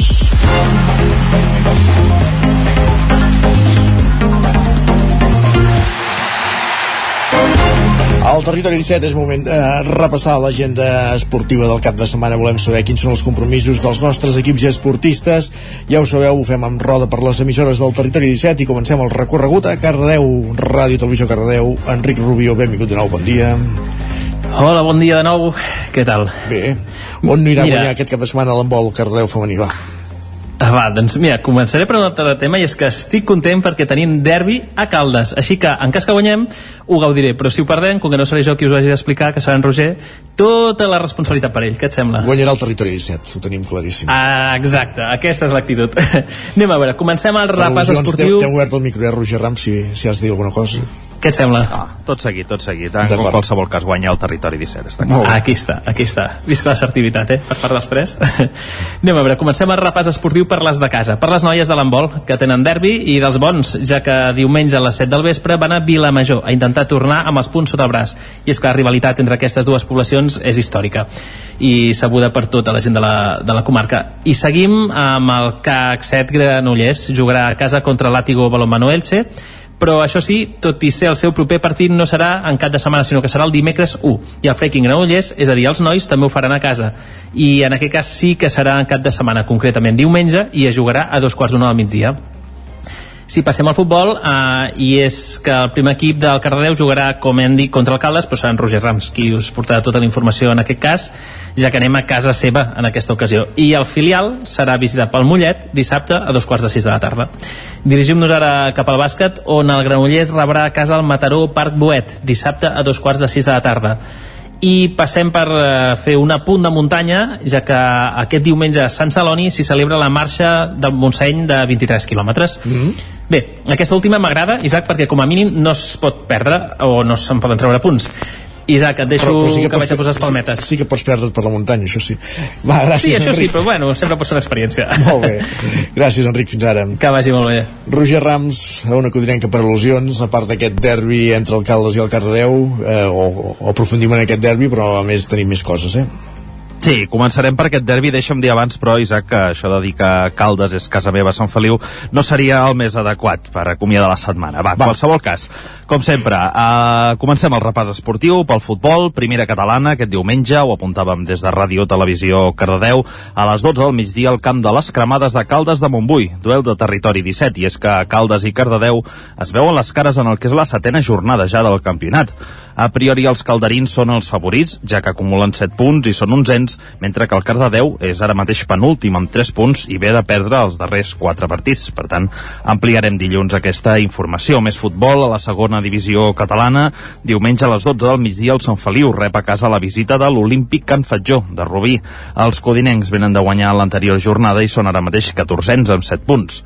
I tanquem l'episodi futbolístic al Moianès i és que dissabte a les 5 de la tarda el Moià visita el camp del Predenc la setena jornada de la tercera catalana. Els moianesos estan pràcticament obligats a guanyar, ja que són avantpenúltims i necessiten els punts per sortir d'aquestes darreres posicions de la taula.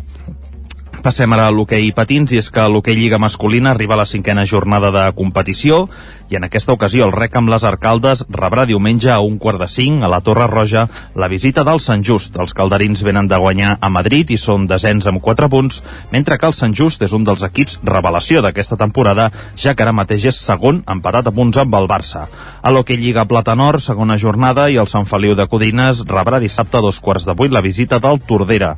Els codinencs es van estrenar amb derrota la setmana passada per 3 a 1 a la pista del Sant Cugat. I acabem a la Lliga Nacional Catalana d'Hockey Patins, on el primer equip femení d'Alcaldes jugarà dissabte a dos quarts de set contra el Palau Solità i Plegamans, mentre que el primer equip femení del Vigues i Riells rebrà una hora més tard, a dos quarts de vuit, la visita del Sant Cugat. Gràcies, Roger. Continuem aquest recorregut. Uh, anava a dir a la veu de Sant Joan. Avui, si més no, els que ens vegin s'adonaran que els estudis de la veu de Sant Joan s'assemblen molt als del 9FM. Isaac Muntades, Sí, sí. benvingut, bon dia. Tot i així, repassem l'agenda del Ripollès, eh? Exacte, repassem la, la gent del Ripollès avui. Una setmana més us parlarem de futbol al grup 3 de la tercera catalana per parlar dels tres equips ripollesos que hi competeixen i dir-vos també que els horaris són una mica estranys, probablement a causa de la celebració del clàssic de, de futbol entre el Barça i el Madrid i tots els equips han apostat per endarrerir els seus partits. Mira, la Badesenc obrirà foc a casa un quart de set de la tarda contra el Sant Pons per mantenir el lideratge de la categoria. Ara mateix els Sant Joanins tenen 16 punts i només han cedit un empat, sent fins ara l'equip més golejador de la categoria, i per la seva banda el Sant Pons és un rival propici per seguir sumant, ja que és el QE amb un sol punt. El Camprodon tindrà un duel una mica més complicat, rebrà a casa dos quarts de set de la tarda el Sant Gregori, que és novel·la classificació amb només 6 punts, que porta 3 partits eh, sense perdre, i per la seva banda el Camprodon és bastant irregular, té 7 punts, és 8è, i a casa s'està comportant millor que fora, per tant esperem que pugui eh, endur-se els 3 punts. El Camp de Bànol és 14è a la taula, ve de guanyar el seu primer partit la setmana passada, ja té 5 punts, s'enfrontarà al Fontcobert a casa a les 7 de la tarda, que ara mateix és un rival directe perquè, perquè en té 6 i a més a més ve en, en una bona ratxa, per tant serà un adversari més complicat del que pugui semblar en un principi.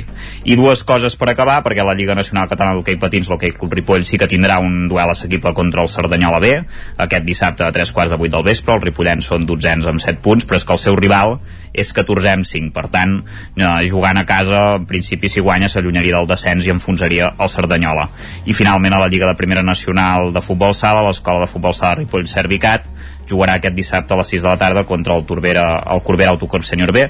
Hem de dir que hem intentat contactar amb alguns jugadors del futbol sala de, de Ripoll perquè hi ha hagut com el, una espècie de reestructuració a la Lliga que no entenem i ara mateix a la classificació li computen 0 punts, ah. tot i que havia eh, guanyat un partit i s'han disputat dos partits i, i en principi és com si hagués tornat a començar la Lliga. Ens vam intentar posar en contacte que ens ho expliquessin, no, no acabem de saber què ha passat, a veure si en podem treure l'entrellat el dilluns. Estarem pendents. Gràcies, Isaac. Continuem eh, els estudis del 9FM encara ara amb en Guillem Sánchez i sí, repassant l'agenda esportiva d'Osona, Guillem. Què tal? Bon dia. Doncs va, comencem parlant de futbol, ja que aquest diumenge a les 12 del migdia hi ha partit del grup 5 de la tercera federació entre el Sant Cristóbal i el Tona, un Tona que visita el camp d'aquest conjunt amb la voluntat de tornar a guanyar tal com ho va fer ja la setmana passada i per mantenir-se així a la part alta de la classificació. Recordem que l'equip de Ricard Ferrés ara mateix és tercer classificat d'aquest grup 5 de tercera federació, un bon inici de temporada, suma ja 14 punts, 7 més que, que el seu rival, però en aquesta categoria mai es pot dir que un partit sigui assequible. Per tant, tota la sort del món pel Tona aquest diumenge a fora al camp del Sant Cristóbal. A casa sí que hi tindrem dos partits, els de la Lliga Elite de la Unió Esportiva Vic, que el dissabte, demà a les 7 de la tarda, horari eh, condicionat per al, per al clàssic de futbol, Isaac, ah, en lloc de les 4 de la tarda jugaran a les 7, a les 7 de la, de la tarda, doncs hi haurà aquest duel entre... Després del Barça-Madrid, a, correcte. a passar fred al camp del Vic. Vaja, correcte. Ves, ves això, eh? Fins a les 9 del vespre, correcte. Doncs hi haurà aquest duel entre el Vic i la Guinaueta, un Vic que vol trencar la mala dinàmica que ara mateix acumula a la competició, intentant guanyar a un rival directe a la classificació. Després, de, de fet, només tenen dos punts menys que, que el Vic, el, el rival d'aquest dissabte a casa. Uh, també s'estrena en un nou horari al Manlleu el diumenge el grup de primera catalana aquest horari d'hivern podríem dir ja perquè serà el primer partit amb l'horari eh, canviat. Jugaran a dos quarts de cinc de la tarda i no a les cinc com és habitual. Un Manlleu que intentarà mantenir el ple de victòries en aquesta lliga. De moment sumen 5 de 5 i per tant aquest diumenge contra el Blanes intentaran sumar el 6 de 6 i mantenir-se en aquesta primera posició de la classificació. Qui també té partit de lliga el diumenge a les 12 del migdia a fora com també el Tona és el Big Riu primer, en aquest cas a la tercera federació femenina en el grup 3. Les noies de Cristian Donaire s'hauran de desplaçar a Badalona per jugar contra el Ciagull, un grup primer que buscarà la tercera victòria de la temporada després de guanyar uh, l'altre dia, la setmana passada a casa i fa dues setmanes també uh, a fora. Uh, s'enfrontarà contra un rival directe. A la classificació només hi ha un punt de diferència entre els dos. Si això et sembla poc em sembla poc. Isaac, tenim un duel important d'hoquei patins al cap de setmana. Mm, Vic Manlleu. Un, Manlleu Vic, Manlleu, Manlleu Vic. Manlleu Vic serà el primer derbi de la... Sí que, sí que és important, eh? però que tradicionalment els derbis potents eren Correcte. els voltregans Vics. Correcte. Això no pot ser perquè només hi ha un equip a l'hoquei Lliga Ara anava a i, dir. no, i no és el Vic, precisament. Ara, ara et anava a dir, doncs haurem de baixar fins al grup nord de l'Hockey Lliga Plata per veure aquest primer derbi de la temporada entre el Martinelli a Manlleu i el Club Patí Vic serà demà a les 8 del vespre, eh, correspon només a la segona jornada de la Lliga, el Vic va guanyar la primera jornada, el Manlleu va, va perdre, per tant, de moment encara podríem dir poques coses en joc més enllà de l'honor de guanyar aquest primer derbi, aquest primer duel entre dos equips usonencs masculins d'hoquei patins de la, de la temporada. Qui també té partit, en aquest cas de Hockey Lliga, és el Voltregà Movento Stern, també a les 8 del vespre. Un Voltregà que s'enfronta al Pas Alcoi, a l'Alcoi, a, a casa, intentant buscar també una nova victòria a la Lliga. Amb dos equips sumen 4 punts, per tant una victòria dels voltreganesos els faria escalar segur algun lloc a la classificació. Llavors el grup sud de l'Hockey Lliga Plata, també té partit a casa al Taradell, ho farà contra el Palafrugell després d'empatar la primera jornada els taradellencs buscaran la primera victòria d'aquesta lliga, partit que començarà a les 6 de la tarda, per tant aquí en aquest cas ens ve una mica just, eh, potser? Sí. Ens ve una miqueta, una miqueta just. També tenim partits d'hoquei Lliga femenina, l'únic que jugarà a casa serà el Voltregà Movento Stern, ho farà contra la Corunya demà dissabte a partir de dos quarts de sis, perquè el Martinelli a Manlleu té partit a la pista del Vilassana demà dissabte a partir de les 7 de la tarda. Repassem també altres esports, Isaac, si et sembla, tenim, sí, tenim partit, sí, tenim partit del Club Bàsquet Vic, Universitat de Vic contra el Cornellà, demà a partir d'un quart de nou del vespre al Castell d'en Planes, uns biguetans que volen continuar a la zona alta de la taula i mantenir-se a prop del lideratge en aquesta jornada de Lliga. I un parell de punts també de l'àmbit poliesportiu. Eh, per començar, el diumenge a partir de les 9 del matí a Tona s'hi celebrarà el Campionat de Catalunya de Trial Open 2023, per tant, a mans del motor tenim cita a Tona aquest cap de setmana i també s'estrena una, una prova aquest diumenge, Isaac es diu la plana gravel, que combina ciclisme, combina aquesta modalitat de, sobre les dues rodes amb una mica de descoberta de patrimoni, de gastronomia, per tant però... ganes de pujar sobre la bici però també d'anar a fer bons avituallaments i de passar-s'ho bé amb els, amb els, amb els companys Has d'estar iniciat, eh, per això, per les distàncies que hi ha. Sí, perquè hi ha tres distàncies, una de, a veure si ho trobem aquí, sortida de 110 quilòmetres, 60 i 70. Uh -huh. Per tant, perdó, 110, 160 i 70. 160. 160 i 70, per tant... T'hi veig, eh? Sí, sí. Uh, amb cotxe encara te la faria, potser. Molt bé.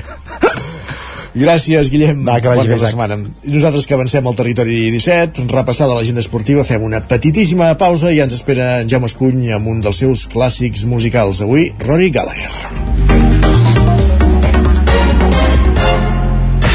El nou FM, la ràdio de casa, al 92.8. El cor del Montseny torna a fer olor de castanyes. El 28 i 29 d'octubre arriba la 28a Fira de la Castanya de Viladrau. Vine a tastar les castanyes torrades o a participar als tallers i tas de cuina amb la castanya de Viladrau. També podràs conèixer productes de quilòmetre zero elaborats a Viladrau o participar a les sortides guiades pels voltants del poble. Tot animat amb espectacles familiars i música pels carrers. El 28 i 29 d'octubre torna a la Fira de la Castanya de Viladrau. T'hi esperem. Quinzena Fira d'en Roca Guinarda a Olost. Aquest any serà bestial. La fira més loca de la comunitat autònoma de Catalunya. Vine a disfrutar-la. Acar! Acar! La qualitat de les teves impressions és important per tu? Estàs cansat que els colors i les imatges no surtin com t'esperes? A Impremta Mater disposem de la tecnologia més avançada i els millors professionals per aconseguir impressions d'alta qualitat. Fem tota classe d'impresos amb acabats professionals. Llibres, catàlegs, revistes, tesis, calendaris, enquadernacions... I a més, disposem del servei d'impressió digital en gran format, roll-ups, lones, pòsters i molt més. Impremta Mater. Ens trobaràs a la carretera de Sant Hipòlit 23 de Vic o impremtamater.com. L'infopodcast del 9-9 amb Sílvia Pedret. Cada dia et donem les claus de les notícies més rellevants de casa nostra. Vivim en una comarca que s'està demostrant pionera. Doncs... Desperta't cada dia amb l'infopodcast del 9-9. Aquesta setmana tornen a ser notícia els pantans perquè han baixat... El trobaràs a dos quarts de vuit del matí al 99.cat, Spotify, iVox i, si ho vols, te l'enviem directament al mòbil. Subscriu-te als canals de WhatsApp i Telegram del 99. Soc Sílvia Pedret. Comencem. Cocodril Club. Si t'agrada la bona música dels anys 60, 70 i 80, escolta el 9 FM als matins de dissabtes i diumenges d'11 a 1.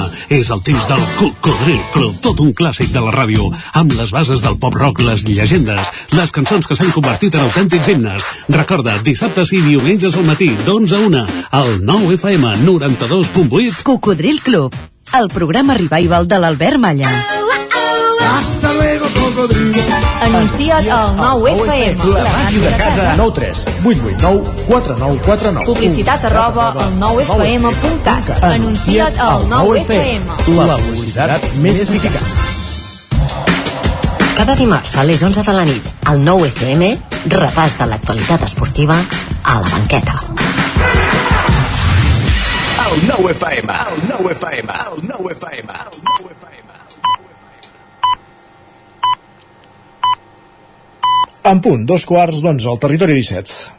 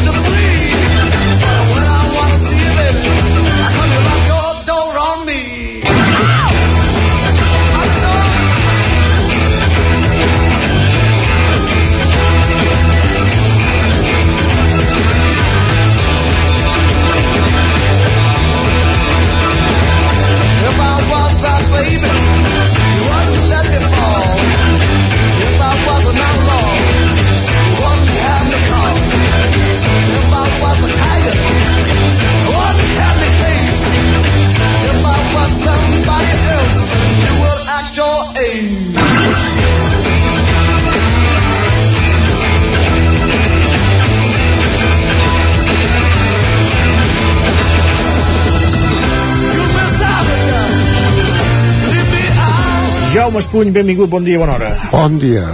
Què ens portes avui? Avui porto molta guitarra, no sé si Sí, ho heu sentit. Sí.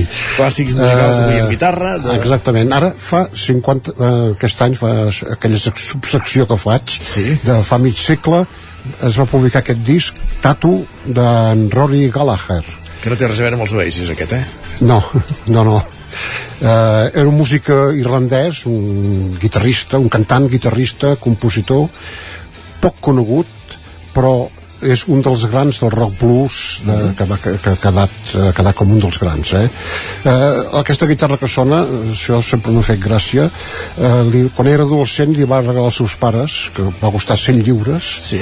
li, va costar, li va regalar una guitarra li van regalar una guitarra i és aquesta que sona Carai. i és, no, va, no la va canviar mai sempre va tocar amb aquesta guitarra Molt bé. mm, Tatu és aquest disc, tatuatge, Tatu, eh, és el cinquè dels 16 discos que va publicar en vida i possiblement, per mi almenys, és el millor. Eh, estem eh, escoltant aquest disturbi eh, Tatum Ladies diu aquest, ai, no, perdó Carl Rock sí? eh, ara escoltarem una they, they won't make them like you anymore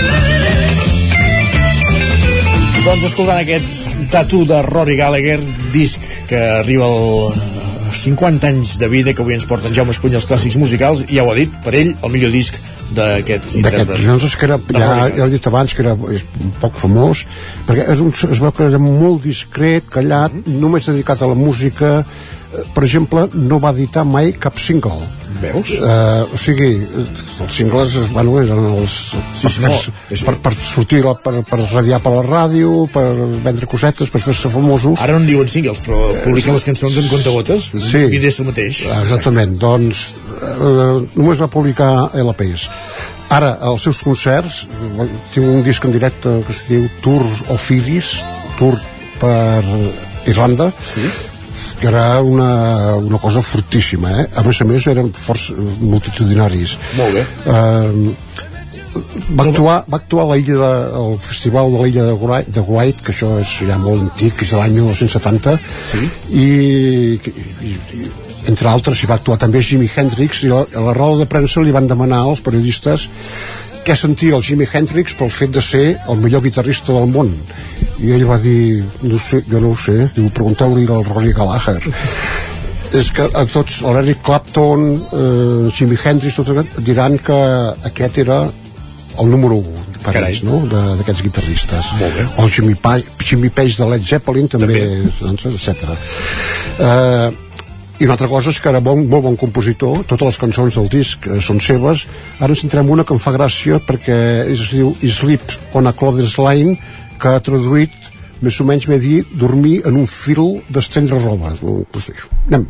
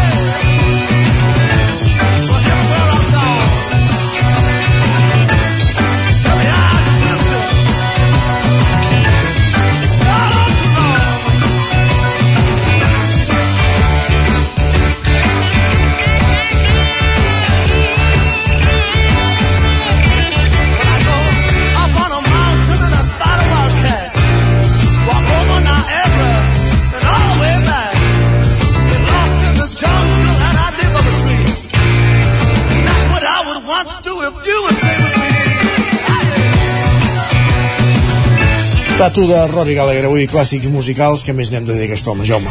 Doncs que aquí en el, aquest és el primer disc que inclou inclou un pianista Mhm. no sé si l'heu sentit per aquí sí. ha de fer esforços per sentir-se però, però se sent no? que era un, a més a més un pianista que era molt bo Lou Martin Mhm. eh, i queda molt bé a més a més i després ja, ja va quedar a formar part de, de la banda fix no? eh, en Rolly Gallagher bueno, ja ens hem d'acomiadar d'ell perquè va morir l'any 1995 als 47 anys va morir jove sí, 47 anys o sigui, quan va sortir aquest disc en tenia 20, 25 o 26 eh, per un trasplantament de fetge tenia algun problema amb el, co amb el col precisament. I una mica per acomiadar- acomiadar-nos a la cançó que a mi m'ha tingut el cor robat des de sempre que, que es diu a un milió de, mil, de milles de distància a Million Miles Away que comença molt lenta però va, va, es va accelerant. Es va, exactament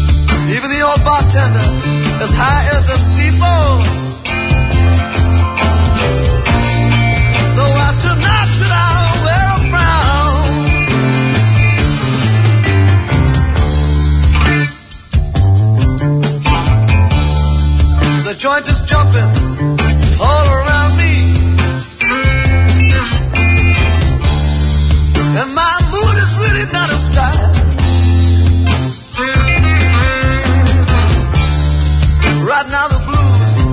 Want to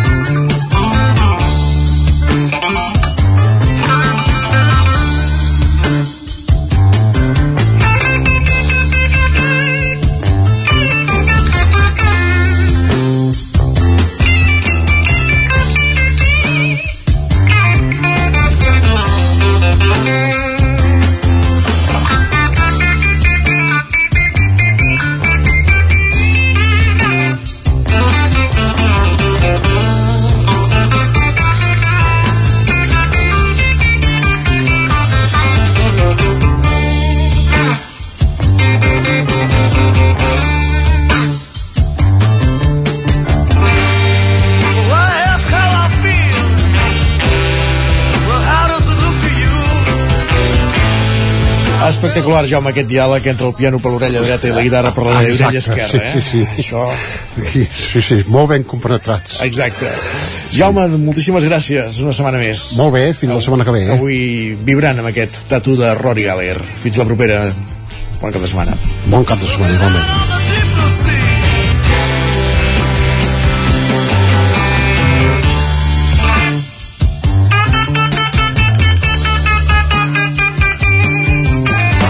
Territori 17 I al territori 17, ara mateix, quan falten dos minuts i mig per tres quarts d'onze del matí, és temps per l'agenda.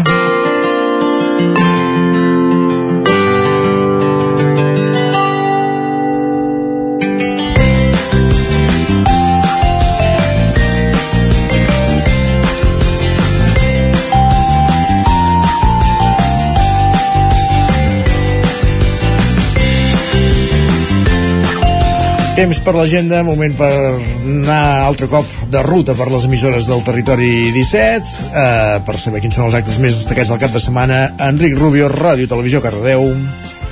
Benvingut de nou. Què tal de nou? I per últim cop avui. Això. Anem a veure l'agenda, anem a fer un repàs, així que, tot i que ja ho sabeu, ja que els vam tenir aquí fa un parell de dies en l'entrevista, no, fa un parell de dies no, ahir, amb l'entrevista, us recordem que estem en ple cardoterror i que no tot són pel·lícules, ja que hi ha activitats i films pels més menuts. Pintacares, projeccions a partir de 4 anys, el Cardó Terror Market, xocolatada, en definitiva un festival per tot, amb tots els uts recordem que durarà fins al... o sigui, està tot el cap de setmana actiu, no només és cosa d'avui o demà. També dissabte i diumenge, pels amants dels jocs de taula, a la Calavera Azul hi trobarem l'activitat Jocs de taula per Halloween, els dos dies de 6 a 9. A les 8 del vespre, dissabte al TAC, hi podreu veure Llenguatges, la qual és la primera creació de la trilogia Evolucions, de la companyia Impulsos, i també dissabte de 8 a 9, sessió de contes per adults, històries per no dormir a la capella de Sant Corneli. I acabarem diumenge de 10 a dos quarts d'una amb una caminada organitzada pel Banc del Temps pels voltants de Cardedeu amb la Remei, on es recorrerà la zona de Sant Hilari en un recorregut circular. Perfectíssim, gràcies Enric. Continuem Molt bon aquest, cap de setmana. bon cap de setmana aquest recorregut per les emissores del territori 17. Anem ara fins a una codinenca. Roger Rams, repassant també l'agenda de les vostres Doncs vinga.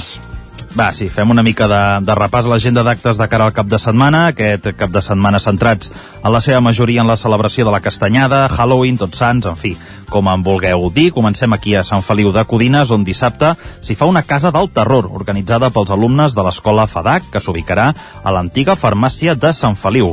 En el marc de la Castanyada, també dissabte a la tarda, l'agrupament Escolta Macalu tindrà una parada de venda de castanyes a la mateixa plaça i ja diumenge a les 6 de la tarda al Centre Cívic La Fonteta s'hi farà l'espectacle Fem Poble, un eh, show teatral a càrrec de l'Associació de Jubilats i Pensionistes de Sant Feliu, juntament amb el grup de teatre de Xalles 81. Baixem cap a Caldes de Montbui, a banda de les diverses exposicions que hi ha en marxa, tant al Museu Termàlia com al Centre Democràtic i Progressista. Aquest dissabte a la biblioteca s'hi farà l'Hora del Conte pels lectors més petits i avui divendres a les 6 de la tarda també a la biblioteca s'hi presenta el llibre En nom de les germanes, de l'autora Carme Ballús. A Vigues i Riells del Fai aquest dissabte a la tarda hi ha un taller d'art a la biblioteca amb el nom de Lab Art, obert a tots els públics, mentre que dissabte a les 8 del vespre al Teatre Auditori s'hi farà l'obra de teatre de comèdia Cunyades, amb noms com Fermí Fernández, Mònica Pérez, Jordi Ríos i Àngels Bassas, dirigida per Ramon Grau. I acabem, com sempre, el nostre repàs al Moianès, on demà dissabte a l'Espai Escènic de Castellterçol s'interpreta l'obra de teatre La pell fina, a càrrec de Carmen Marfà i Iago Alonso.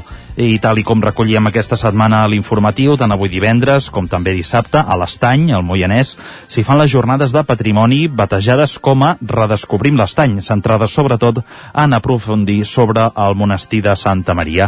Mentre que diumenge, d'una banda, Santa Maria d'Oló s'hi fa el Correllengua, amb activitats diverses com concerts, cercavila i dinar de germanor, i d'altra banda, acabem a la capital del Moianès, a Moià, a les 6 de la tarda diumenge, l'Espai Cultural Les Faixes acull l'obra de teatre de la companyia local Tres Panys que s'interpretarà l'obra Imagina. Gràcies, Roger, també molt bon cap de setmana. Perfecte, bon cap de setmana, ens escoltem dilluns. Dilluns. Isaac Muntades, la veu de Sant Joan, des dels estudis del 9FM avui, eh, també repassem l'agenda del Ripollès. Sí, una agenda que ve carregada, evidentment, per temes de castanyada i de Halloween. Uh, avui, com ja hem dit, eh, no ens extendrem molt i comença l'Esoteric Shopping Night. Assenyalaré les activitats més destacades. Avui hi ha la inauguració a les 8 del vespre i després Cercavila amb els Diables. Demà hi haurà la benedicció del Calder dels Desitjos, una altra Cercavila i la festa ibisenca al vespre amb DJ Tete i Javi Torres. I diumenge acabarem amb el ball infantil dels nens, un nou ritual del Calder, el, del Calder dels Desitjos i també hi haurà la ruleta al Grigall. Aquest cap de setmana, també eh, aquest eh, divendres, la tretzena mostra internacional del cinema etnogràfic a Ripoll amb la projecció del documental En traurem mai l'aigua clara, del 1978, que és un documental de Josep Gili, Eudal Alabau i Ramon Alabau. També en matèria de, de Halloween, avui i demà hi haurà el túnel del terror al molí de Sant Pau de Segúries, que du per nom México Lindo sí o no, i s'hi podrà entrar des de les 8 del vespre fins a les 11 de la nit per un preu de 8 euros. Això, això sí, edat mínima de 10 anys per entrar-hi, perquè també, evidentment, els més petits doncs, que no pateixin un ensurt. I suposo que també la gent més gran, que amb problemes cardiovasculars, tampoc els hi recomanem que, que hi vagin. Val més que no. Exacte. Uh, aquest dissabte també es presentarà el llibre Dones, homes, sexe i gènere, Biologia i cultura de Jordi Casanova, un llibre que parla de com la biologia i la cultura s'entrellacen per definir els rols de gènere en la societat. Això serà a les 6 de la tarda al Palau de l'Abadia de, de Sant Joan. També aquest dissabte, per exemple, hi haurà la plec de Bolós. Uh, a les 12 del migdia s'hi celebrarà una missa i seguidament un dinar popular. Això és, uh, en aquest cas, a Camprodon. Hi haurà també animació musical a Can Davant, dir-vos que a la Torre de Mossèn Tor hi haurà música en directe i literatura amb, amb la presentació de dos llibres, el de Jet Wine de, de David Serrano i també el violí de la llibertat de Canòlic Prats. I també eh, aquest eh, diumenge se celebrarà la dotzena edició del concurs comarcal del cavall pirinenc català a, a Llanàs, a la zona esportiva. Això començarà a les 10 del matí amb el concurs eh, morfològic i seguidament doncs, hi haurà la primera subhasta de cavalls pirinencs que aquests dies doncs, els han promocionat a través de les xarxes socials i ja s'ha vist una mica doncs, eh, de, pin, de quin peu calcen aquests cavalls, hi haurà premis al De millor... ferradura, de ferradura calcen. Exacte, de, de ferradura, sí. Uh, hi haurà premis al millor sobrany, sobranya, terçó, terçona, euga i pulli, quartons i sementals. Uh, Dir-vos també, ara ja per acabar, eh, avancem una mica les activitats de, de Castanyada, de Can de Bànol i Ripoll, que són els que ja ho han, ho han dit. Uh, per exemple, a Can de Bànol, el Castanyada versus Halloween, amb un concurs de fotografia al cementiri que s'instal·larà a la plaça Anselm Clavé, hi haurà tres premis sucosos. El primer premi serà el cartell de, de l'any vinent, uh, serà, serà aquest cartell, i s'exposaran durant la Fira de Nadal i per votació popular doncs es triarà. Hi haurà taller de maquillatge de 5 a 7, l'inici de la ruta del terror a les 7 de la tarda i festa de la por amb DJ Tete i Toni Domingo. I per acabar, la, novi, la nova comi de Ripoll s'estrenarà amb la castanyada popular a la plaça de l'Ajuntament a dos quarts de les 5 de la tarda. Hi haurà jocs tradicionals amb castanyes i després a les 7 de la tarda castanyada màgica amb el mag Eric Bolívar. I a partir de dos quarts doncs, a la nit, doncs música Remember dels 80 i dels 2000 amb DJ Comi, DJ Tete i DJ Claret i Iraldo per acabar d'amenitzar doncs, aquesta castanyada i Halloween. Perfectíssim, Isaac. També moltes gràcies i bon cap de setmana. Bon cap de setmana. I no ens movem dels estudis del 9FM, però ara per repassar l'agenda a la comarca d'Osona en companyia de Miquel R i en Jordi Vilarrodà. Benvinguts tots dos. Moltes gràcies. Bones. Per on comencem? Si voleu agafo el fil ja, ens estava parlant de castanyades Exacte, i, i, i agafem el fil de les castanyades de l'Isaac i agafo el, el fil de les castanyades per parlar d'una de les fires eh, emblemàtiques, eh, ho diem ho repetim molt a vegades aquest adjectiu però sí que dins del calendari firal eh, en aquesta època hem de parlar de la Fira de la Castanya de Viladrau, són 28 edicions eh, una fira molt consolidada pel que fa al format, aquest any seran una seixantena de parades que s'escamparan per tot el poble tant dissabte com diumenge, tot i que avui tenim algun preàmbul eh, amb el lliurament dels premis aquells tradicionals, la fira pròpiament és tot dissabte i tot diumenge, una seixantena de parades, que són el, el cos i el cor de, de la fira, però també eh, s'amenitza doncs, amb, amb propostes lúdiques, amb, amb propostes de teatralització del carrer i amb alguna, alguna nova proposta, sobretot aquest any, per posar molt èmfasi o per, per anar donant, per donar visibilitat al, al comerç local, no? Per exemple, hi haurà dissabte al matí un espai quilòmetre zero a Can Cià on s'aniran presentant productes elaborats al poble. També hi haurà eh, a l'espai Montseny eh, propostes que presentarà de maridatge Castanya de Viladrau eh, de cuina, en aquest cas estem parlant tant dissabte al matí com diumenge al matí també amb productes locals.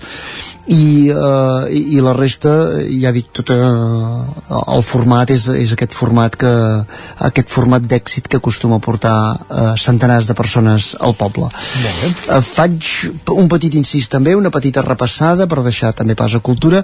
Una, recordar que hi ha la festa major jove d'hivern aquest dissabte a la tarda a Vic. Sí. eh, el, els de la festa major jove s'entesten a retre homenatge encara als sants Llucià i Marcials expatrons i per tant faran a la plaça de la, a la plaça dels màrtirs aquella, la, la seva processó dels sants màrtirs. I llavors la, al vespre la festa es traslladarà a l'institut al pati de l'Institut La Plana hi haurà sopar popular, sopar popular i concerts amb model i Pegui 21 uh -huh. recordar també a l'estiu vam parlar de l'inici dels actes de celebració del 75è aniversari de la colla sardanista Riallera sí. culminaran ara aquest diumenge amb un concert molt especial protagonitzat per una de les cobles grans del país a la, la Sant Jordi Ciutat de Barcelona que faran tot un repertori precisament de peces que durant els anys, durant aquests anys, diferents compositors han anat dedicant a la mateixa riallera i a més a més seran interpretades per, per balladors de la colla a dalt de l'escenari. Això és a l'Atlàntida, a la sala Joaquim Maideu, diumenge a les 6 de la tarda. Perfecte. Recordar també, estàvem parlant d'aniversaris, qui també està d'aniversari aquest any és l'Associació Andalusa de Torelló, celebren 35 anys, la CAT, correcte, això ho faran al seu propi local, dissabte a la tarda, amb actuacions de, de, de diferents àrees que acull l'entitat, no? des del Coro Rociero, el grup de teatre o el grup de ball Entre dos aguas. I finalment, eh, recordar, hem tingut tot el mes hem estat parlant del cicle Coll sa Cabra Viu, es tanca aquest cap de setmana a Tabertet, hi han diferents propostes, uh, un, la, la més vistosa és sempre la tirolina que munten dissabte i diumenge per qui sí que s'atreveixi a llançar-se cinglera avall, i l'altra, un apunt més cultural, i així ja passo, diguéssim, la pilota amb, en, amb, amb el company Jordi Vilarrodà, que és la presentació de les excavacions arqueològiques dissabte a la tarda que s'han fet aquest, uh, aquests últims temps al, en el territori. Molt ben lligat això, gràcies Miquel. Jordi.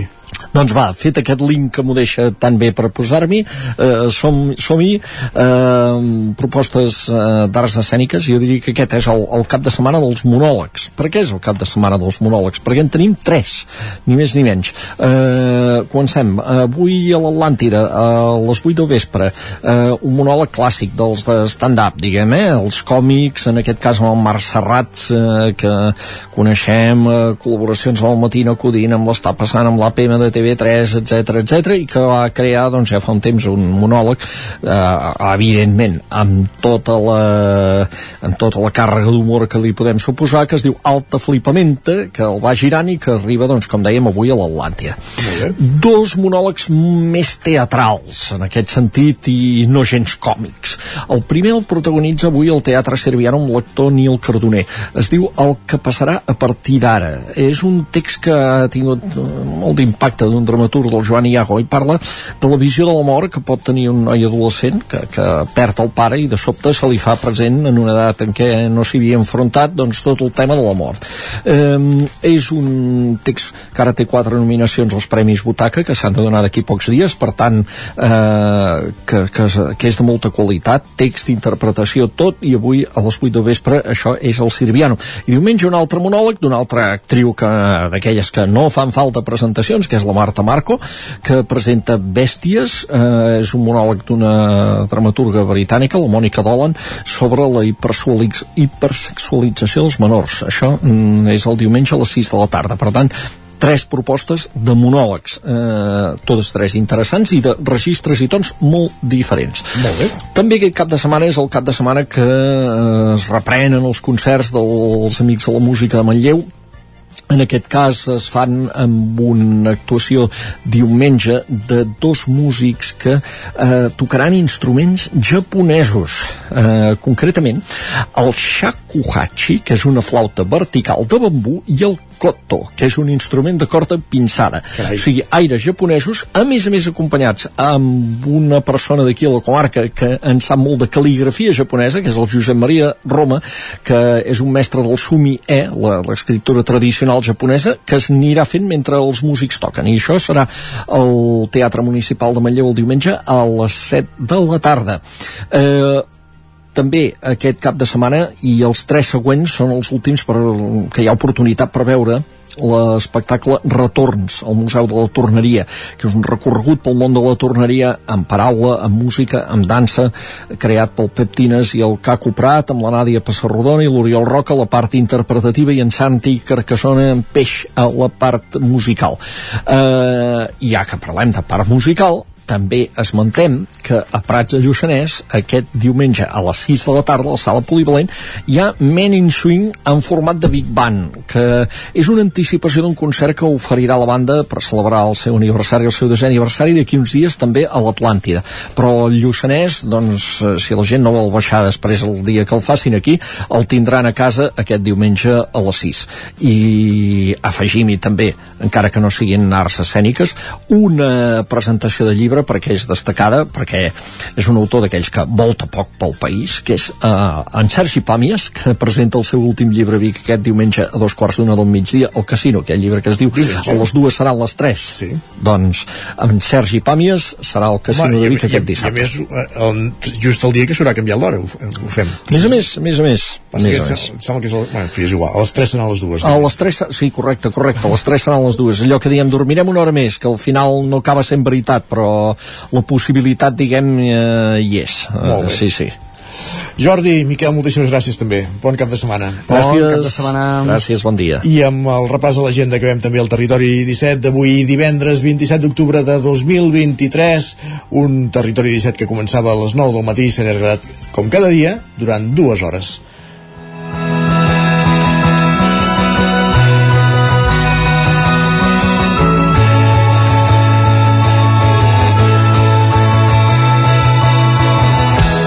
Territori 17 que s'ha allargat com cada dia durant dues hores, però hi ha excepcions. Va haver-hi una excepció fa unes setmanes, eh, un divendres, precisament a Cardedeu, que van fer un especial Territori ODS. Doncs en tenim tres més a punt d'especials Territori ODS.